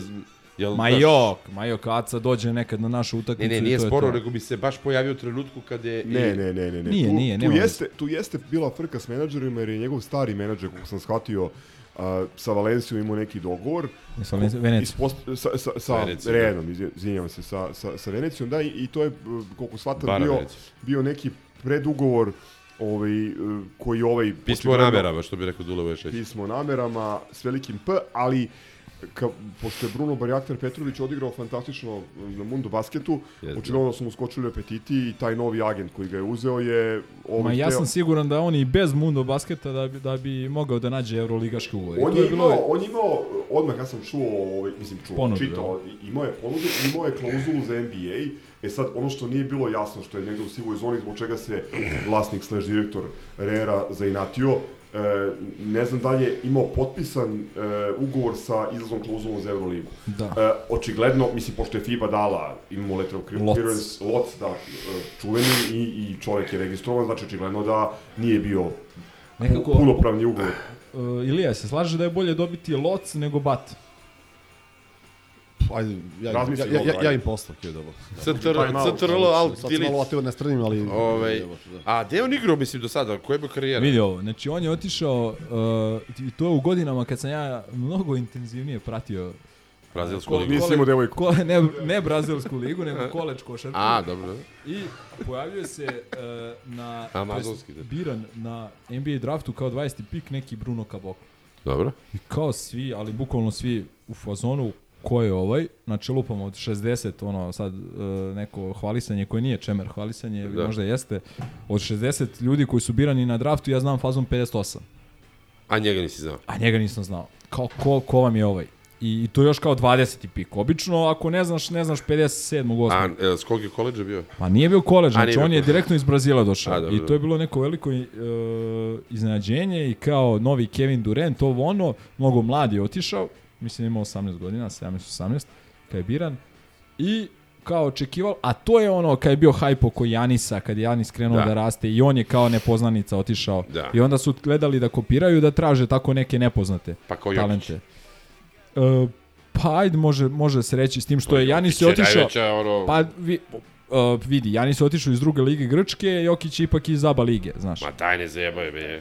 I pritom, nema veze, nema veze, ne, ne, hoću da kažem da obojica su postigli nešto neverovatno da. i tad je bio trend taj da se da. rizikuje i taj rizik je bio i ovaj Kaboklo, međutim nije se snašao, 3-4 godine je pokušavao, prvo u tom Torontu, posle u Houstonu, Aha. da li još negde bio, nemam pojma, nije igrao bog zna kako, nije dobio šansu, nije mu rasla uloga i odlučio je prošle godine da pređe u Ulm. Ulm je, recimo, klub iz Nemačke koji ima vrlo dobar scouting, koji pogađa dosta često sa strancima, pre svega sa Amer- Amerikancima i e, to je bila najbolja odluka za njega, on je odigrao fantastičnu sezonu, postali su prvaci Nemačke, Da. znači Tamo po, iz, izbaci, izba, izba, izbacili su A- Albu i Bayern, čini mi se, Da, ovaj, iz da, da. play-offa, znači stvarno su igrao, igrao je sa Jagom, ovim. Uh, igrali su fantastično i Jago ljubivac žene. Jago Sulunac. I imao je odličnu sezonu i u Evrokupu i ka, znači čovjek je bio možda glavni igrač šampiona Nemačke, znači. E, i pojavljuje se negde sredinom juna kao on potpisao za Veneciju. Kao što je potpisao tako rano za Veneciju, mogo je čeka, mogo je, naš, neki Makabi, Da. neki Žalgiris, ne znam, neko bi ga uzeo. Turtelko. A Ovo, pa vidi, e, na kraju krajeva ja sam raz, i tad razmišljao da je on dobra opcija zna, stvarno je dobra, mladi igrač, talentovan, e, dobrim Što godinama. sam ti rekao, gde treba da, gleda, da tražimo igrače? Pa da, da, da, ali ne, mislim ne, vidi, ti imaš u, u Evrokupu imaš 3-4 igrača koji mogu da igraju u Euroligu na ozbiljnom nivou. I to je to. Znači, ostalo je teško. On je jedan od ta 3-4 igrača. Međutim, da li zbog pomenutog Mirotića on nije bio opcija u početku, verovatno je zamišljena drugačija koncepcija, e, posle to sve kad se izdešavalo, kad je došao Kaminski, osetila se potreba za ovim igračem koji liči na neku mešavinu Smajlagića i Lesora. I, i sad... Lazme. Ili Lazme, ajde Lazme, kažem, da. bravo, da.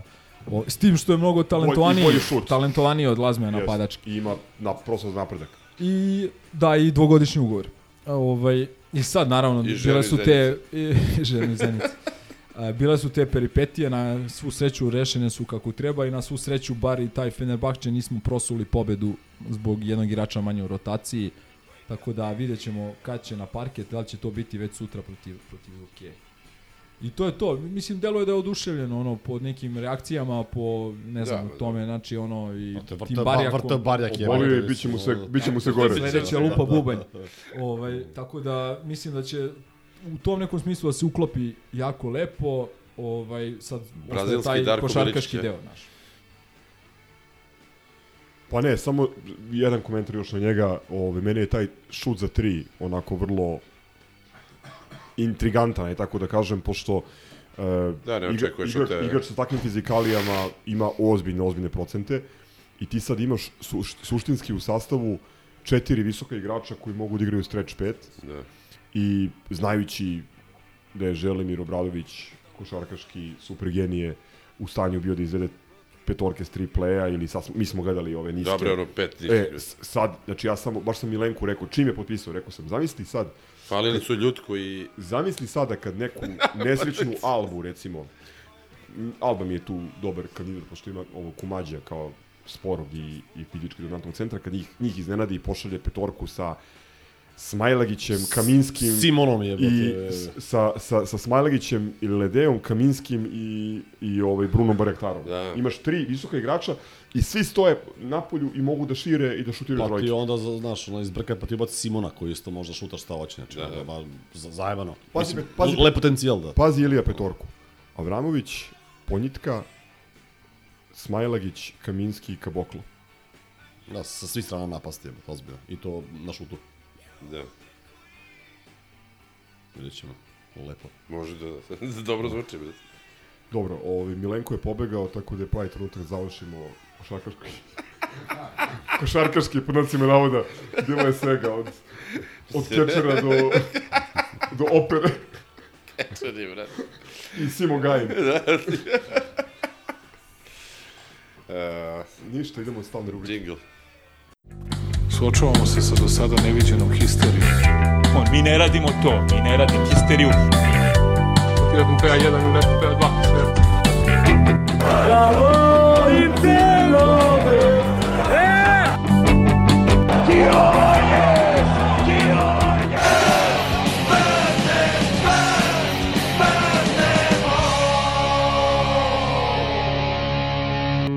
Smrt fašizmu, živeo partizan.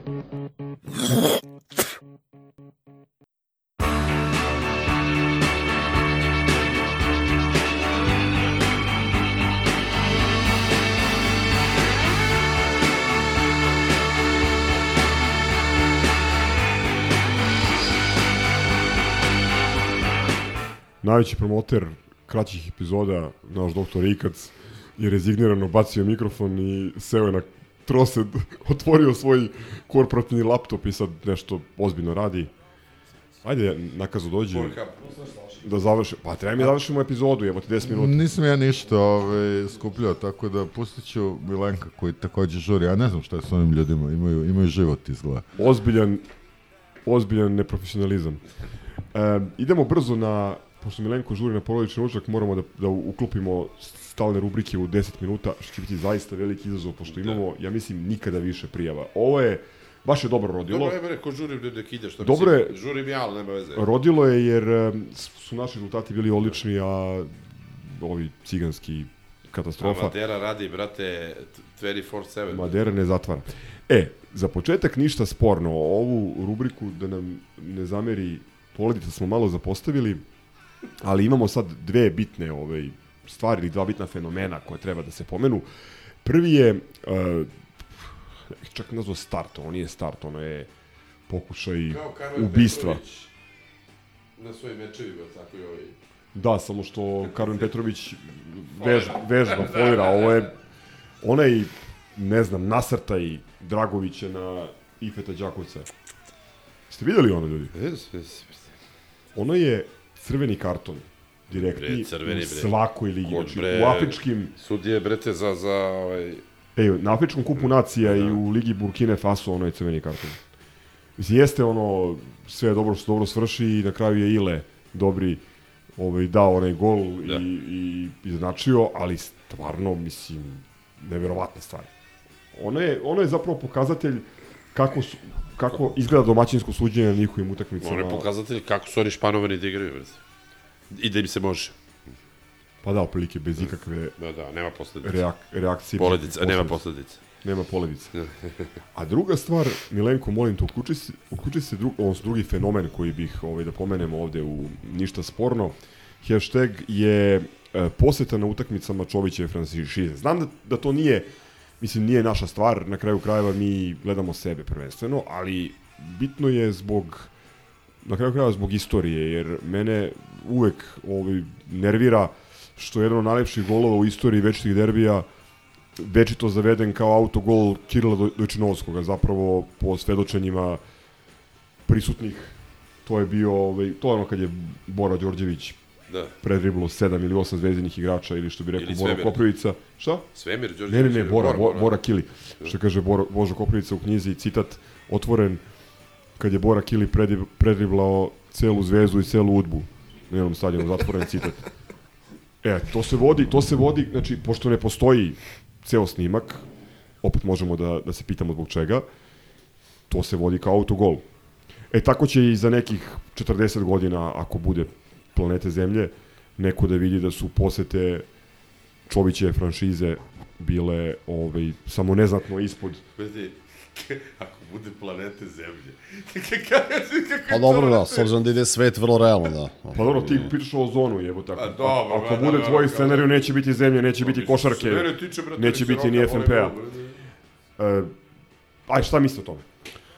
Pa meni je to, znaš, suludo jebo to. To je bukvalno, dok mi ušli u fazu da budemo konačno to što zaista jesmo, njima nije pala pamet da se bave ni posetama, ni zebancijama, vraćaju se pioniri već šta, znaš, ono, te kad smo mi postali ono što bi trebali da budemo zaista i što jesmo, krenulo je se ono na svako, na svako ono, što kopa, buši. Anastasija i Grizela, one ružde čerke od Pepe Ljubića. Ne, bukvalno je taj fazon, znaš, jebote, hoćemo koliko, koliko ti možeš biti napaćen jebeno, razumeš da ti fejkuješ posetu, mislim. Ali najgore je što je to počelo... Dobro, sve je lažno. Pa jeste, okej. Polazi od toga da je naš lažni klub sa tuđim grbom, sa tuđim imenom.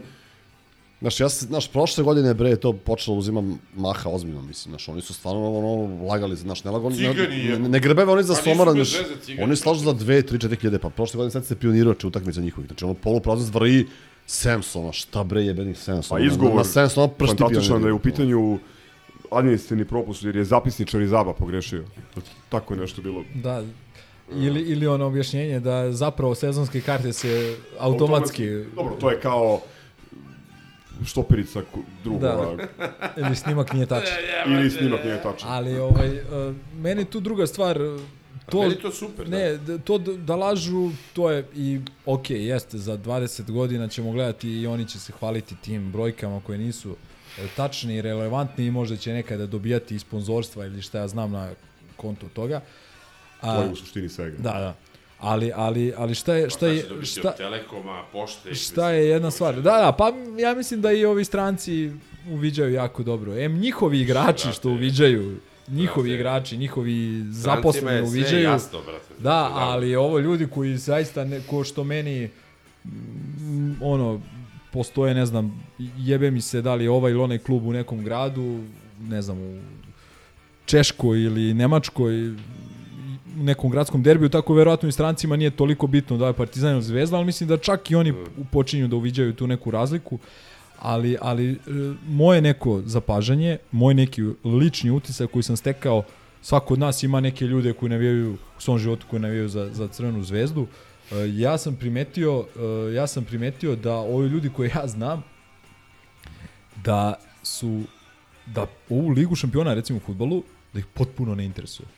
Znači potpuno i ne i ove titule u fudbalu u zadnjih 2 3 4 godine Ja mislim da su oni apsolutno svesni svega, samo neće naravno to javno da i glasno da. da priznaju, oni u tome uopšte ne uživaju. I oni su počeli u ovu Euroligu da prate sa našim Ti su- ulaskom ti su u Euroligu. najgori. Oni nisu, ja eto, ove koje kao Ti su znaš kao, i koje objektivni su, ali ćute. A čekaj, ali To su najgori, da ti znači. evo evo Kad rea, došli po Birsada je... sta, stani real, realno oni u ovu Euroligu igraju 10 godina skoro, sad već u Imali su kontinuitetu. tolike godine prostora i prilike da Ništa nisu urade napravili. sve isto. I da Koliko zavole su- klub. Na kraju krajeva imali- vratili su se Da zavole pionir, taj sport, jer je protiv Baskonije Da, bilo po 2000 ljudi. zvaničnim podacima bilo 2000 ljudi, a nezvanično je bilo i manje od toga. Bilo je manje od 1000 ljudi. Gde su oni otišli? Gde su, gde su oni imali domaći teren na strani? Možda Minhen, recimo, zbog količine ljudi. Kad su ono, pogodili tamo- invalida u glavu flašom. E, toga se ne sećam, ali Znaš, ono, A sećam jer je Marko Pešić pričao Da, da- ali, ali, ali poenta priče je da smo mi digli interesovanje samim tim što mi učestvujemo i što je nama to toliko Naravno. znači za ovu Euroligu da je to, to se sad prati, to, to, to, to je nezapamćeno. Sport klub koliko je morao da promeni uh, svoj neki Pa i opet sadržaj. smeta Marko Vlahović. I opet im smeta jedan jedini čovek. Milenko napusti nešto, samo izvini, prekinut ću te na trenutak. E, ko je rekao, koji mudrac ovaj, od naših drugara je rekao da oni ne gledaju košarku zato što ih interesuje, nego zato što znaju, hoće da je ogade jer znaju koliko nama znači. Ja sam to preneo, ali sam to negde, negde To pročitao. Uroš na- iz Kragujevca rekao, Nije, ne- nije, neko ne, je- ne, nije, ne, to je neka internet mudrost. Ajde, nek se javi Mudrolija, autor da. mudrosti da, pošto je velika i treba da ostane zabeleženo ko je ovaj, ispalio. Da mu Znači, se stavimo prate- na murala. Ili njoj. A ne, ja se sjećam, recimo, izvini, Ili nje, tome. ona, ona, ona, ona sezona, ko- prva Želimirova, koja je, nažalost, e, završena bursom, ovaj, u to, u, baš sam razmišljao u tom trenutku koliko, recimo, oni Da, su da, igrali rekreativnu Kuca. Euroligu. Znači, koliko smo mi spektakla imali te godine, nekih utakmica koji su, znaš, ono, očekuješ ih, čekuješ ih, ono, lepterići u stomaku, ono, ne, ner, i, nervoza, godin, i godinu znaš. ranije Trinkjerijem je. Pazi, gostovanje Hamburgu, ej, Hamburg Towersi, ko, ko, su, ko su Hamburg Towersi? Razumeš, ono, ode 500 ludaka Čovječe, iz Srbije, Metropolitan, tamo, znaš. Lavalois. Da, znaš, ono, Juventud ovde, pazi, Juventud ovde, kakva utakmica. Pa Lokomotiva, Kuban, onda iz Trinkjerijeve ljudi, smo sezone. bili u Paladoci svi na prvoj tekmi, ono, Oni, oni ne- bre nisu imali, na, znači, za 10 godina Evrolige nisu imali oko 4 Oni utakmice. ne ukupno znaju taj, taj hype. sport. Pa to ti kažem. Oni, ne, ne, svoj klub. To je neko od njihovih igrača skoro i rekao ovaj, da su naučili konačno Ma ne, pravila. ode ti Vildoza, brate, tamo i kaže kao najbolji domaći trener Partizan, znaš, ono, eto, šta pričaš više, znaš. Ne, ne, ali... Ili, u stvari, izvini, sve se završava i počinje i završava sa izjavom Moke Slavnice, Slavnića Da. koja je u džinglu Bravo. u nekom našem starom Tako i šta više da pričamo na tu temu. Ništa, bolesni, skompleksirani falsifikatori, idemo dalje. E, objave, e, tu imamo sad i ovu novu podrubliku, čemu ovo? Ove, tako da, molim vas, otvorite foldere, pošto ovdje ima previše, stvarno ima previše unosa i ne bih da nešto kvalitetno ispustimo. Idemo redom.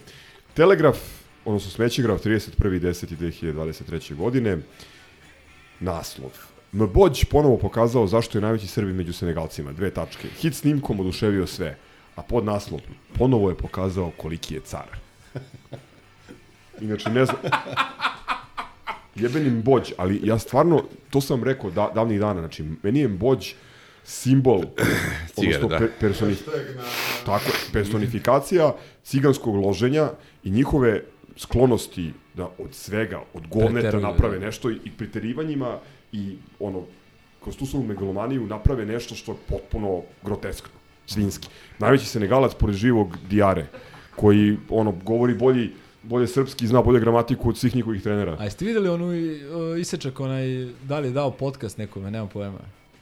Kad je počeo peva, nikad te niko da, voleti neće. ja. I onda je to ono kao, aj neću ovo Posle sad. ćemo. Može to u neki džingl da, da se ubaci, budući. Mislim da je odvojeno već.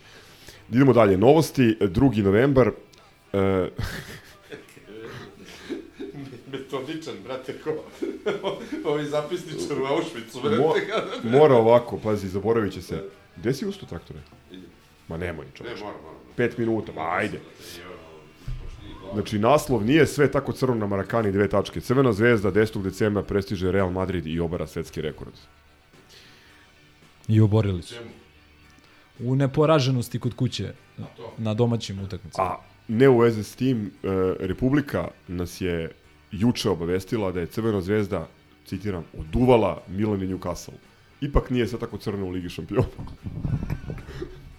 Možda su dali više golova. Ove, Odoh, ja ću iskoristiti svoju priliku da pozdravim ovaj Uroša iz Kragujevca, komu je rođendan u ponedeljak. kad i tebi. A, to nisam ja rekao. Da. a, ćao. Eto, zvezda podcasta s malim Z. brate. Ide da, ide da pije rasol, da se leči. Ćao, brate. E, dalje, sve mi je žao što Gogic nije ovde, stvarno ima mnogo dobrih stvari. Da, ovo je MoCZ Sport, poljubac smrti, dve tačke. Baharova sreća je što je Milović na Kipru. E sad, a, a naša je sreća što je Vili izašao, jer sad kreće serijal Darjana Nedeljkovića, ovaj, mislim da bi. Zvezda kao Bob Mihajlović. Kad, kada god sam u krizi, potrebno mi je malo luksuza. A, čekaj, ostatak? A, imam samo to. Evo, Samo citat. nas.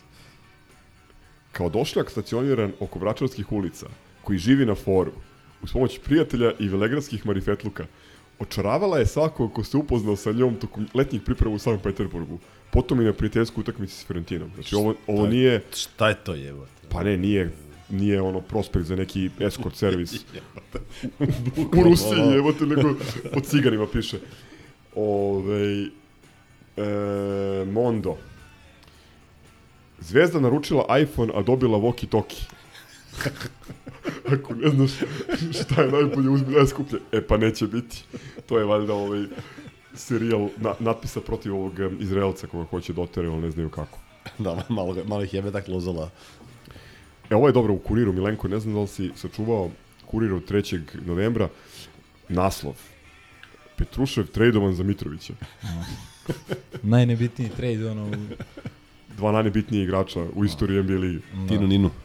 Znaš ko je isto a, a, od njihovi, da kažem, odnosno od bivše zvezde, bivših igrača, ovaj, ko je bio ono laughing stock, ono što se kaže. ko je- Rasko Cvetković. Ne, ne, ne, ko je stalno tradovan, ono potpuno ne, kao kusur, uh, tad je Dragićević, znaš. A, naravno nikad nije, nije, ni blizu da ode, ali je nekim čudom ovaj draftovan. Kad smo kod Laughing Stoka, doći ćemo posle Vili izdvojio e, novi doprinos um, Bobija Marjanovića, svetskoj civilizaciji i američkoj košarci.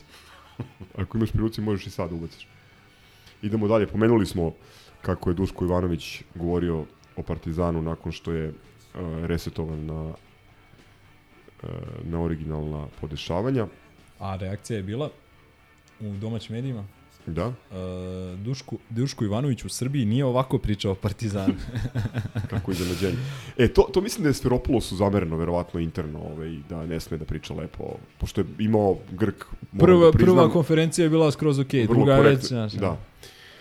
A drugi, evo, kad smo kod košarke, kaže, ostavit će trag kao Đenka. Pogledajte kako je Jago osvojio srce Delija i oduševio mladog navijača. E, a kad smo kod toga, mislim da, teo sam juče ili prekriče pošaljem, on je dao onu trojku koju je prelomio kao Bayern. I, a u stvari sad ću da nađem na sport klubu. Znači, e, trojka, vrate, dobio čovjek loptu, pogodio otvorenu trojku, ništa naš spektakularno. A sad ću da nađem samo naslov na, na YouTube-u. Možeš ti da nastaviš dok ne nađem. Pa ne, isto posle te utakmice, pošto su bili u ozbiljnom downu i, i krizi, ali brzo su se povampirili, naravno, pošto tu je medijska mašinerija da, da, da pripomogne. U danasu, naravno, ovaj NČ, e, naslov, kad je teško, Teo. Evo, li, i kad se smeje, mislim, ja sam se puno smejao sinoć kad sam vidio ono duplo odigranu loptu, ne znam ko je podelio protiv Barcelone. Šta je hteo car da uradi? Nek poživi. E, da. Imao, imali smo Boba Mihajlovića. Da, ono bre za, za ovoga... E, ovo je dobro. E, Arena Sport. Mislim da ovo i dalje stoji među njihovim highlightsima. Velikim slojima sve. Ovo se čekalo na Marakani. Zvezda je izjednačila autogolom igrača Leipziga. Povlaka 1-2. A to su videli. Nemačka pobeđuje na svim frontovima osim kad igra protiv njih. Degenerici. E, Da je bre ono za Bobija i za ono što je... Ma Vili je to poslao... Evo, našao sam samo uh, luda trojka Jaga. Znači, d- ok, jes možda metar iza linije, ali, brate, ono, od, od najotvorenija moguća trojka. Luda trojka Jaga za pobedu Zvezde. Znači. To, to je preterivanje koje je uvek u, u, ovaj, u opticaju. Hot sport. Jedno od jačih smećara. Sve velikim slojima. Postoje li bolji navijači u Evropi? Znak uzvika, znak pitanja. Deli je koreografijom ponovo impresionirala je stari kontinent. Znak uzvika i naravno u zagradi foto, u zagradi video. A onda po, po naslov, navodno crveno-beli imaju problema sa punjenjem kapaciteta što je manje bitno, ali, ali to je to ima u vezi s ovim što ti rekao Milenko da, da ovaj, ljudi gube interes jer oni ni uz svu reklamu i svu medijsku podršku uz beogradski program koji beogradski program na javnom servisu koji svi plaćamo koji poziva da se učestvuju u koreografiji. Da, da da e, instrukcije. državni vrh koji je tamo znači oni ne, nisu uspeli da pro, rasprodaju stadion. Znaš, to, znaš, to se ne bi ali- desilo ali pre da li- 10 da- godina. Da li je to pitanje, sad ostali posledica činjenice su oni projektovani za ono, finale Lige šampiona ili je zapravo poenta prosto, razumeš, da možda postoji neki bunt nekog dela, ha, teško reći normalnih, To su ali... njihove stvari, mislim, neka Red Star Hysterical koji ne postoji to obrađuje, mislim, Da, da, ne, više- oni, više oni, to je njihov modus operandi, oni tako funkcionišu Više od osnivanja. fenomenološki, razumeš, sad kao da li to Ne, neko upravo si. zarenje ili je sad tu nešto malo... Ove, pazi, oni, oni tako, od kad postoje, znači, oni zvezda jednako pretarivanje, manija, ove, odnosno kompleks više vrednosti i to, ra, ono, razmetanje. Ali nekada je to, to dovodilo do činjenice da oni mogu da naprave hajp oko, oko svega i da, da napune. A sad, razumeš, ono, igraš Ligu šampiona, igraš protiv Leipziga, m, Bitna tekme, i nije da ne bitna. I, ni, I nije, pazi, ja, i to činjenica da je bio tamo ko je bio, meni govori da su oni zaista verovali da tu može da, da, može da, da mogu napraviti rezultat, znaš. S obzirom da je on to iskoristio kao deo kampanje, mislim, konkretno. Ali, m, očigledno sad, da li tu postoji, postoje neki ljudi koji su pronašli moral ili kojima je to sve gadno, kažem, to je za, za njihov podcast. Ali interesantno u svakom slučaju, mislim da. da ovaj, e, jesi našao Bobija? Mm, sad ću naći. Dobro, dok ti tražiš Bobija, ja imam pre i posle naše utakmice sa Fenerom. E, pre, odnosno u toku utakmice, Kurir, naslov. Fenerbahče gazi crno-belu areni, znak, pi- znak uzvika, puno grešaka, Željko Bradović viče na svoje igrače. A onda, posle utakmice, jeli, jeli ne treba priznati Partizanu da je napravio veliku pobedu, na B92 Vlade Đurović kaže da je Partizan izgubio od Fenerbahče, imao bi male šanse da to postane. A Brkata spodoba, znači ono to najogavnija osoba. Kakav klov, meni, meni dalje nije jasno da, da njega neko zove i pita. A jebi ga, vidi, mislim, samim, samim tim što mi komentarišemo njegove izjave, znači da dode do nekih klikova, pregleda i šta ti ja Dobro, znam. samo i gura bunt, razumiješ. To je samo, to je, to je ono pitanje neke novinarske etike, da li želiš, da li juriš uh, nekoga ko ima šta da kaže, kvalitetno i, i, i normalno, a što nije senzacionalno, ili juriš tu neku senzacionalnost po svaku To cenu. je tačno, ali, ali iz perspektive onih koji su ga postali, koji su ga raspodjelili tamo, oni, oni to rade da bi nas iritirali i da bi nas kenjavali. Ma ali ne čak zar nije nisu to, videli nego- prošle godine da izazivaju kontrareakciju? Znači, Da. svak, svako pojavljivanje Vlada Đurovića i Jakovljevića samo tera Partizanovu publiku još dalje u ekstremizam i dovodi do toga da, Da. do, znači, ljudi koji nisu ovaj, ekstremni u meri u kojima možda mi jesmo u, u tim nekim emocijama, njima je stvarno preko glave tog A čekaj, zar nije sad Gmizevac ovaj, iz Železnika skoro nešto i Đurović je na tako na spolovilo? Jeste, jeste, jeste. Čak zato što je nešto, vidi, zato kažem, on, e, Đurović mislim nije e, svesno postavljen tu i da mu se ne priča, nego čisto ono čovjek je ono izlapeo, da se ne lažemo, ne, nemam drugi. Ali, ali ta izjava Čovićeva je, Ampa samo on je tu priznao da je ovaj na platnom spisku. Pa, Pa da, ali, da, ali da. ja mislim da je rekao da je bio na platnom spisku. Pošto on bio trener uh, originalnog FNP-a. Ne, nebitno. Uh, Marjanović. Ma, Marjanović bez minuta, ali pomogao džogerom. Ide. Lopta se zaglavila tamo između sata i table i onda nije imao koda. Evo, nama je trebao džoger, pošto sam polio ovde ovaj, Da. po studiju uh, Thornbridge. E, ja imam samo još, još dva. Ovaj, ovo je sveže, ovo je isto na, na, na smeće portalu od sinoć. E, Tobi najveća atrakcija u Barceloni, dve tačke, ni manje ni više, Tobi. Ošišao se, redom obilazi bivše saigrače i pozdravlja se pred zvezdin meč. Pod naslov, Mike bi mogao da bude preloman. Važi. I u borbi za pobedu. Šta znači mogu bi da bude preloman? Da bude X faktor.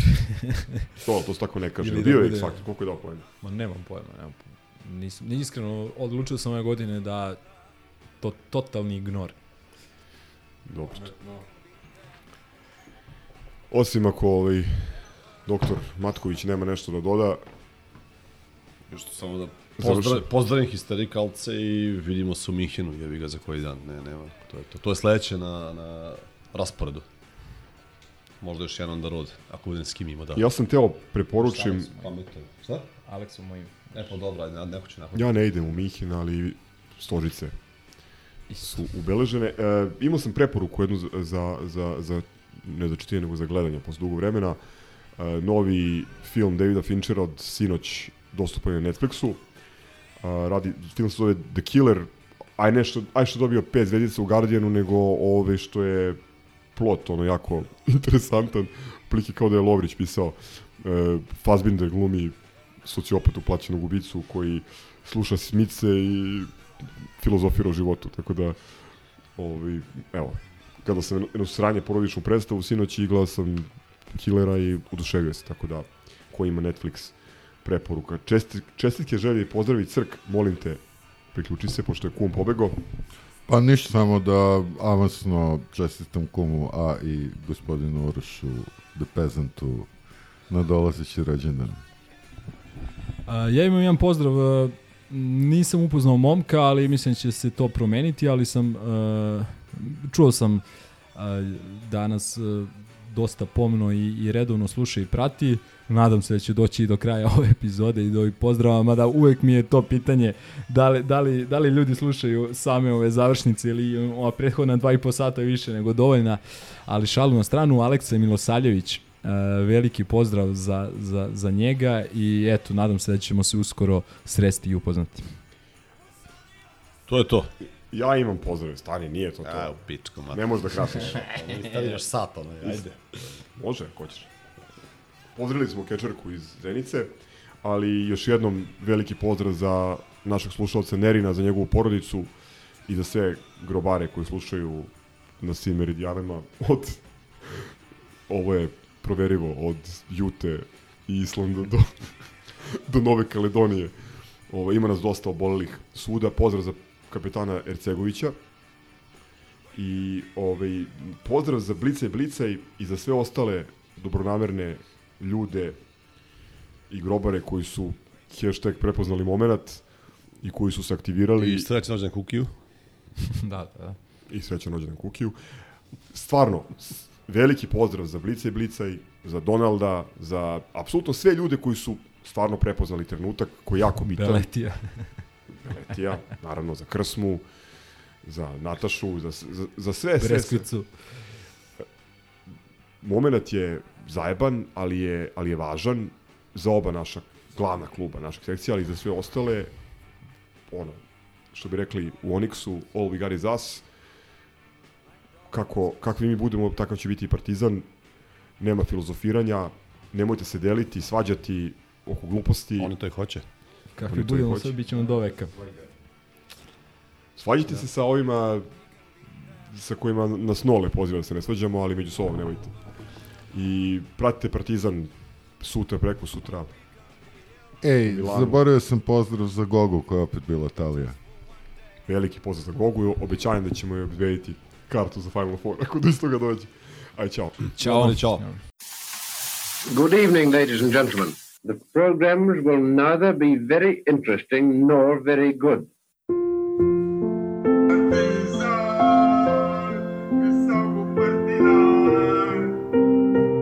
Ovo vikanje, ovo urlanje, Od dva sluga treba se zostavlja ne ekipa.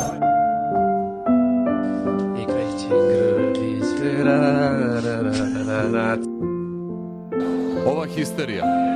Zapitajte se kako to utiče na ljude koji to gledaju. Na primjer na decu. A great deal of experiment has yet to be done.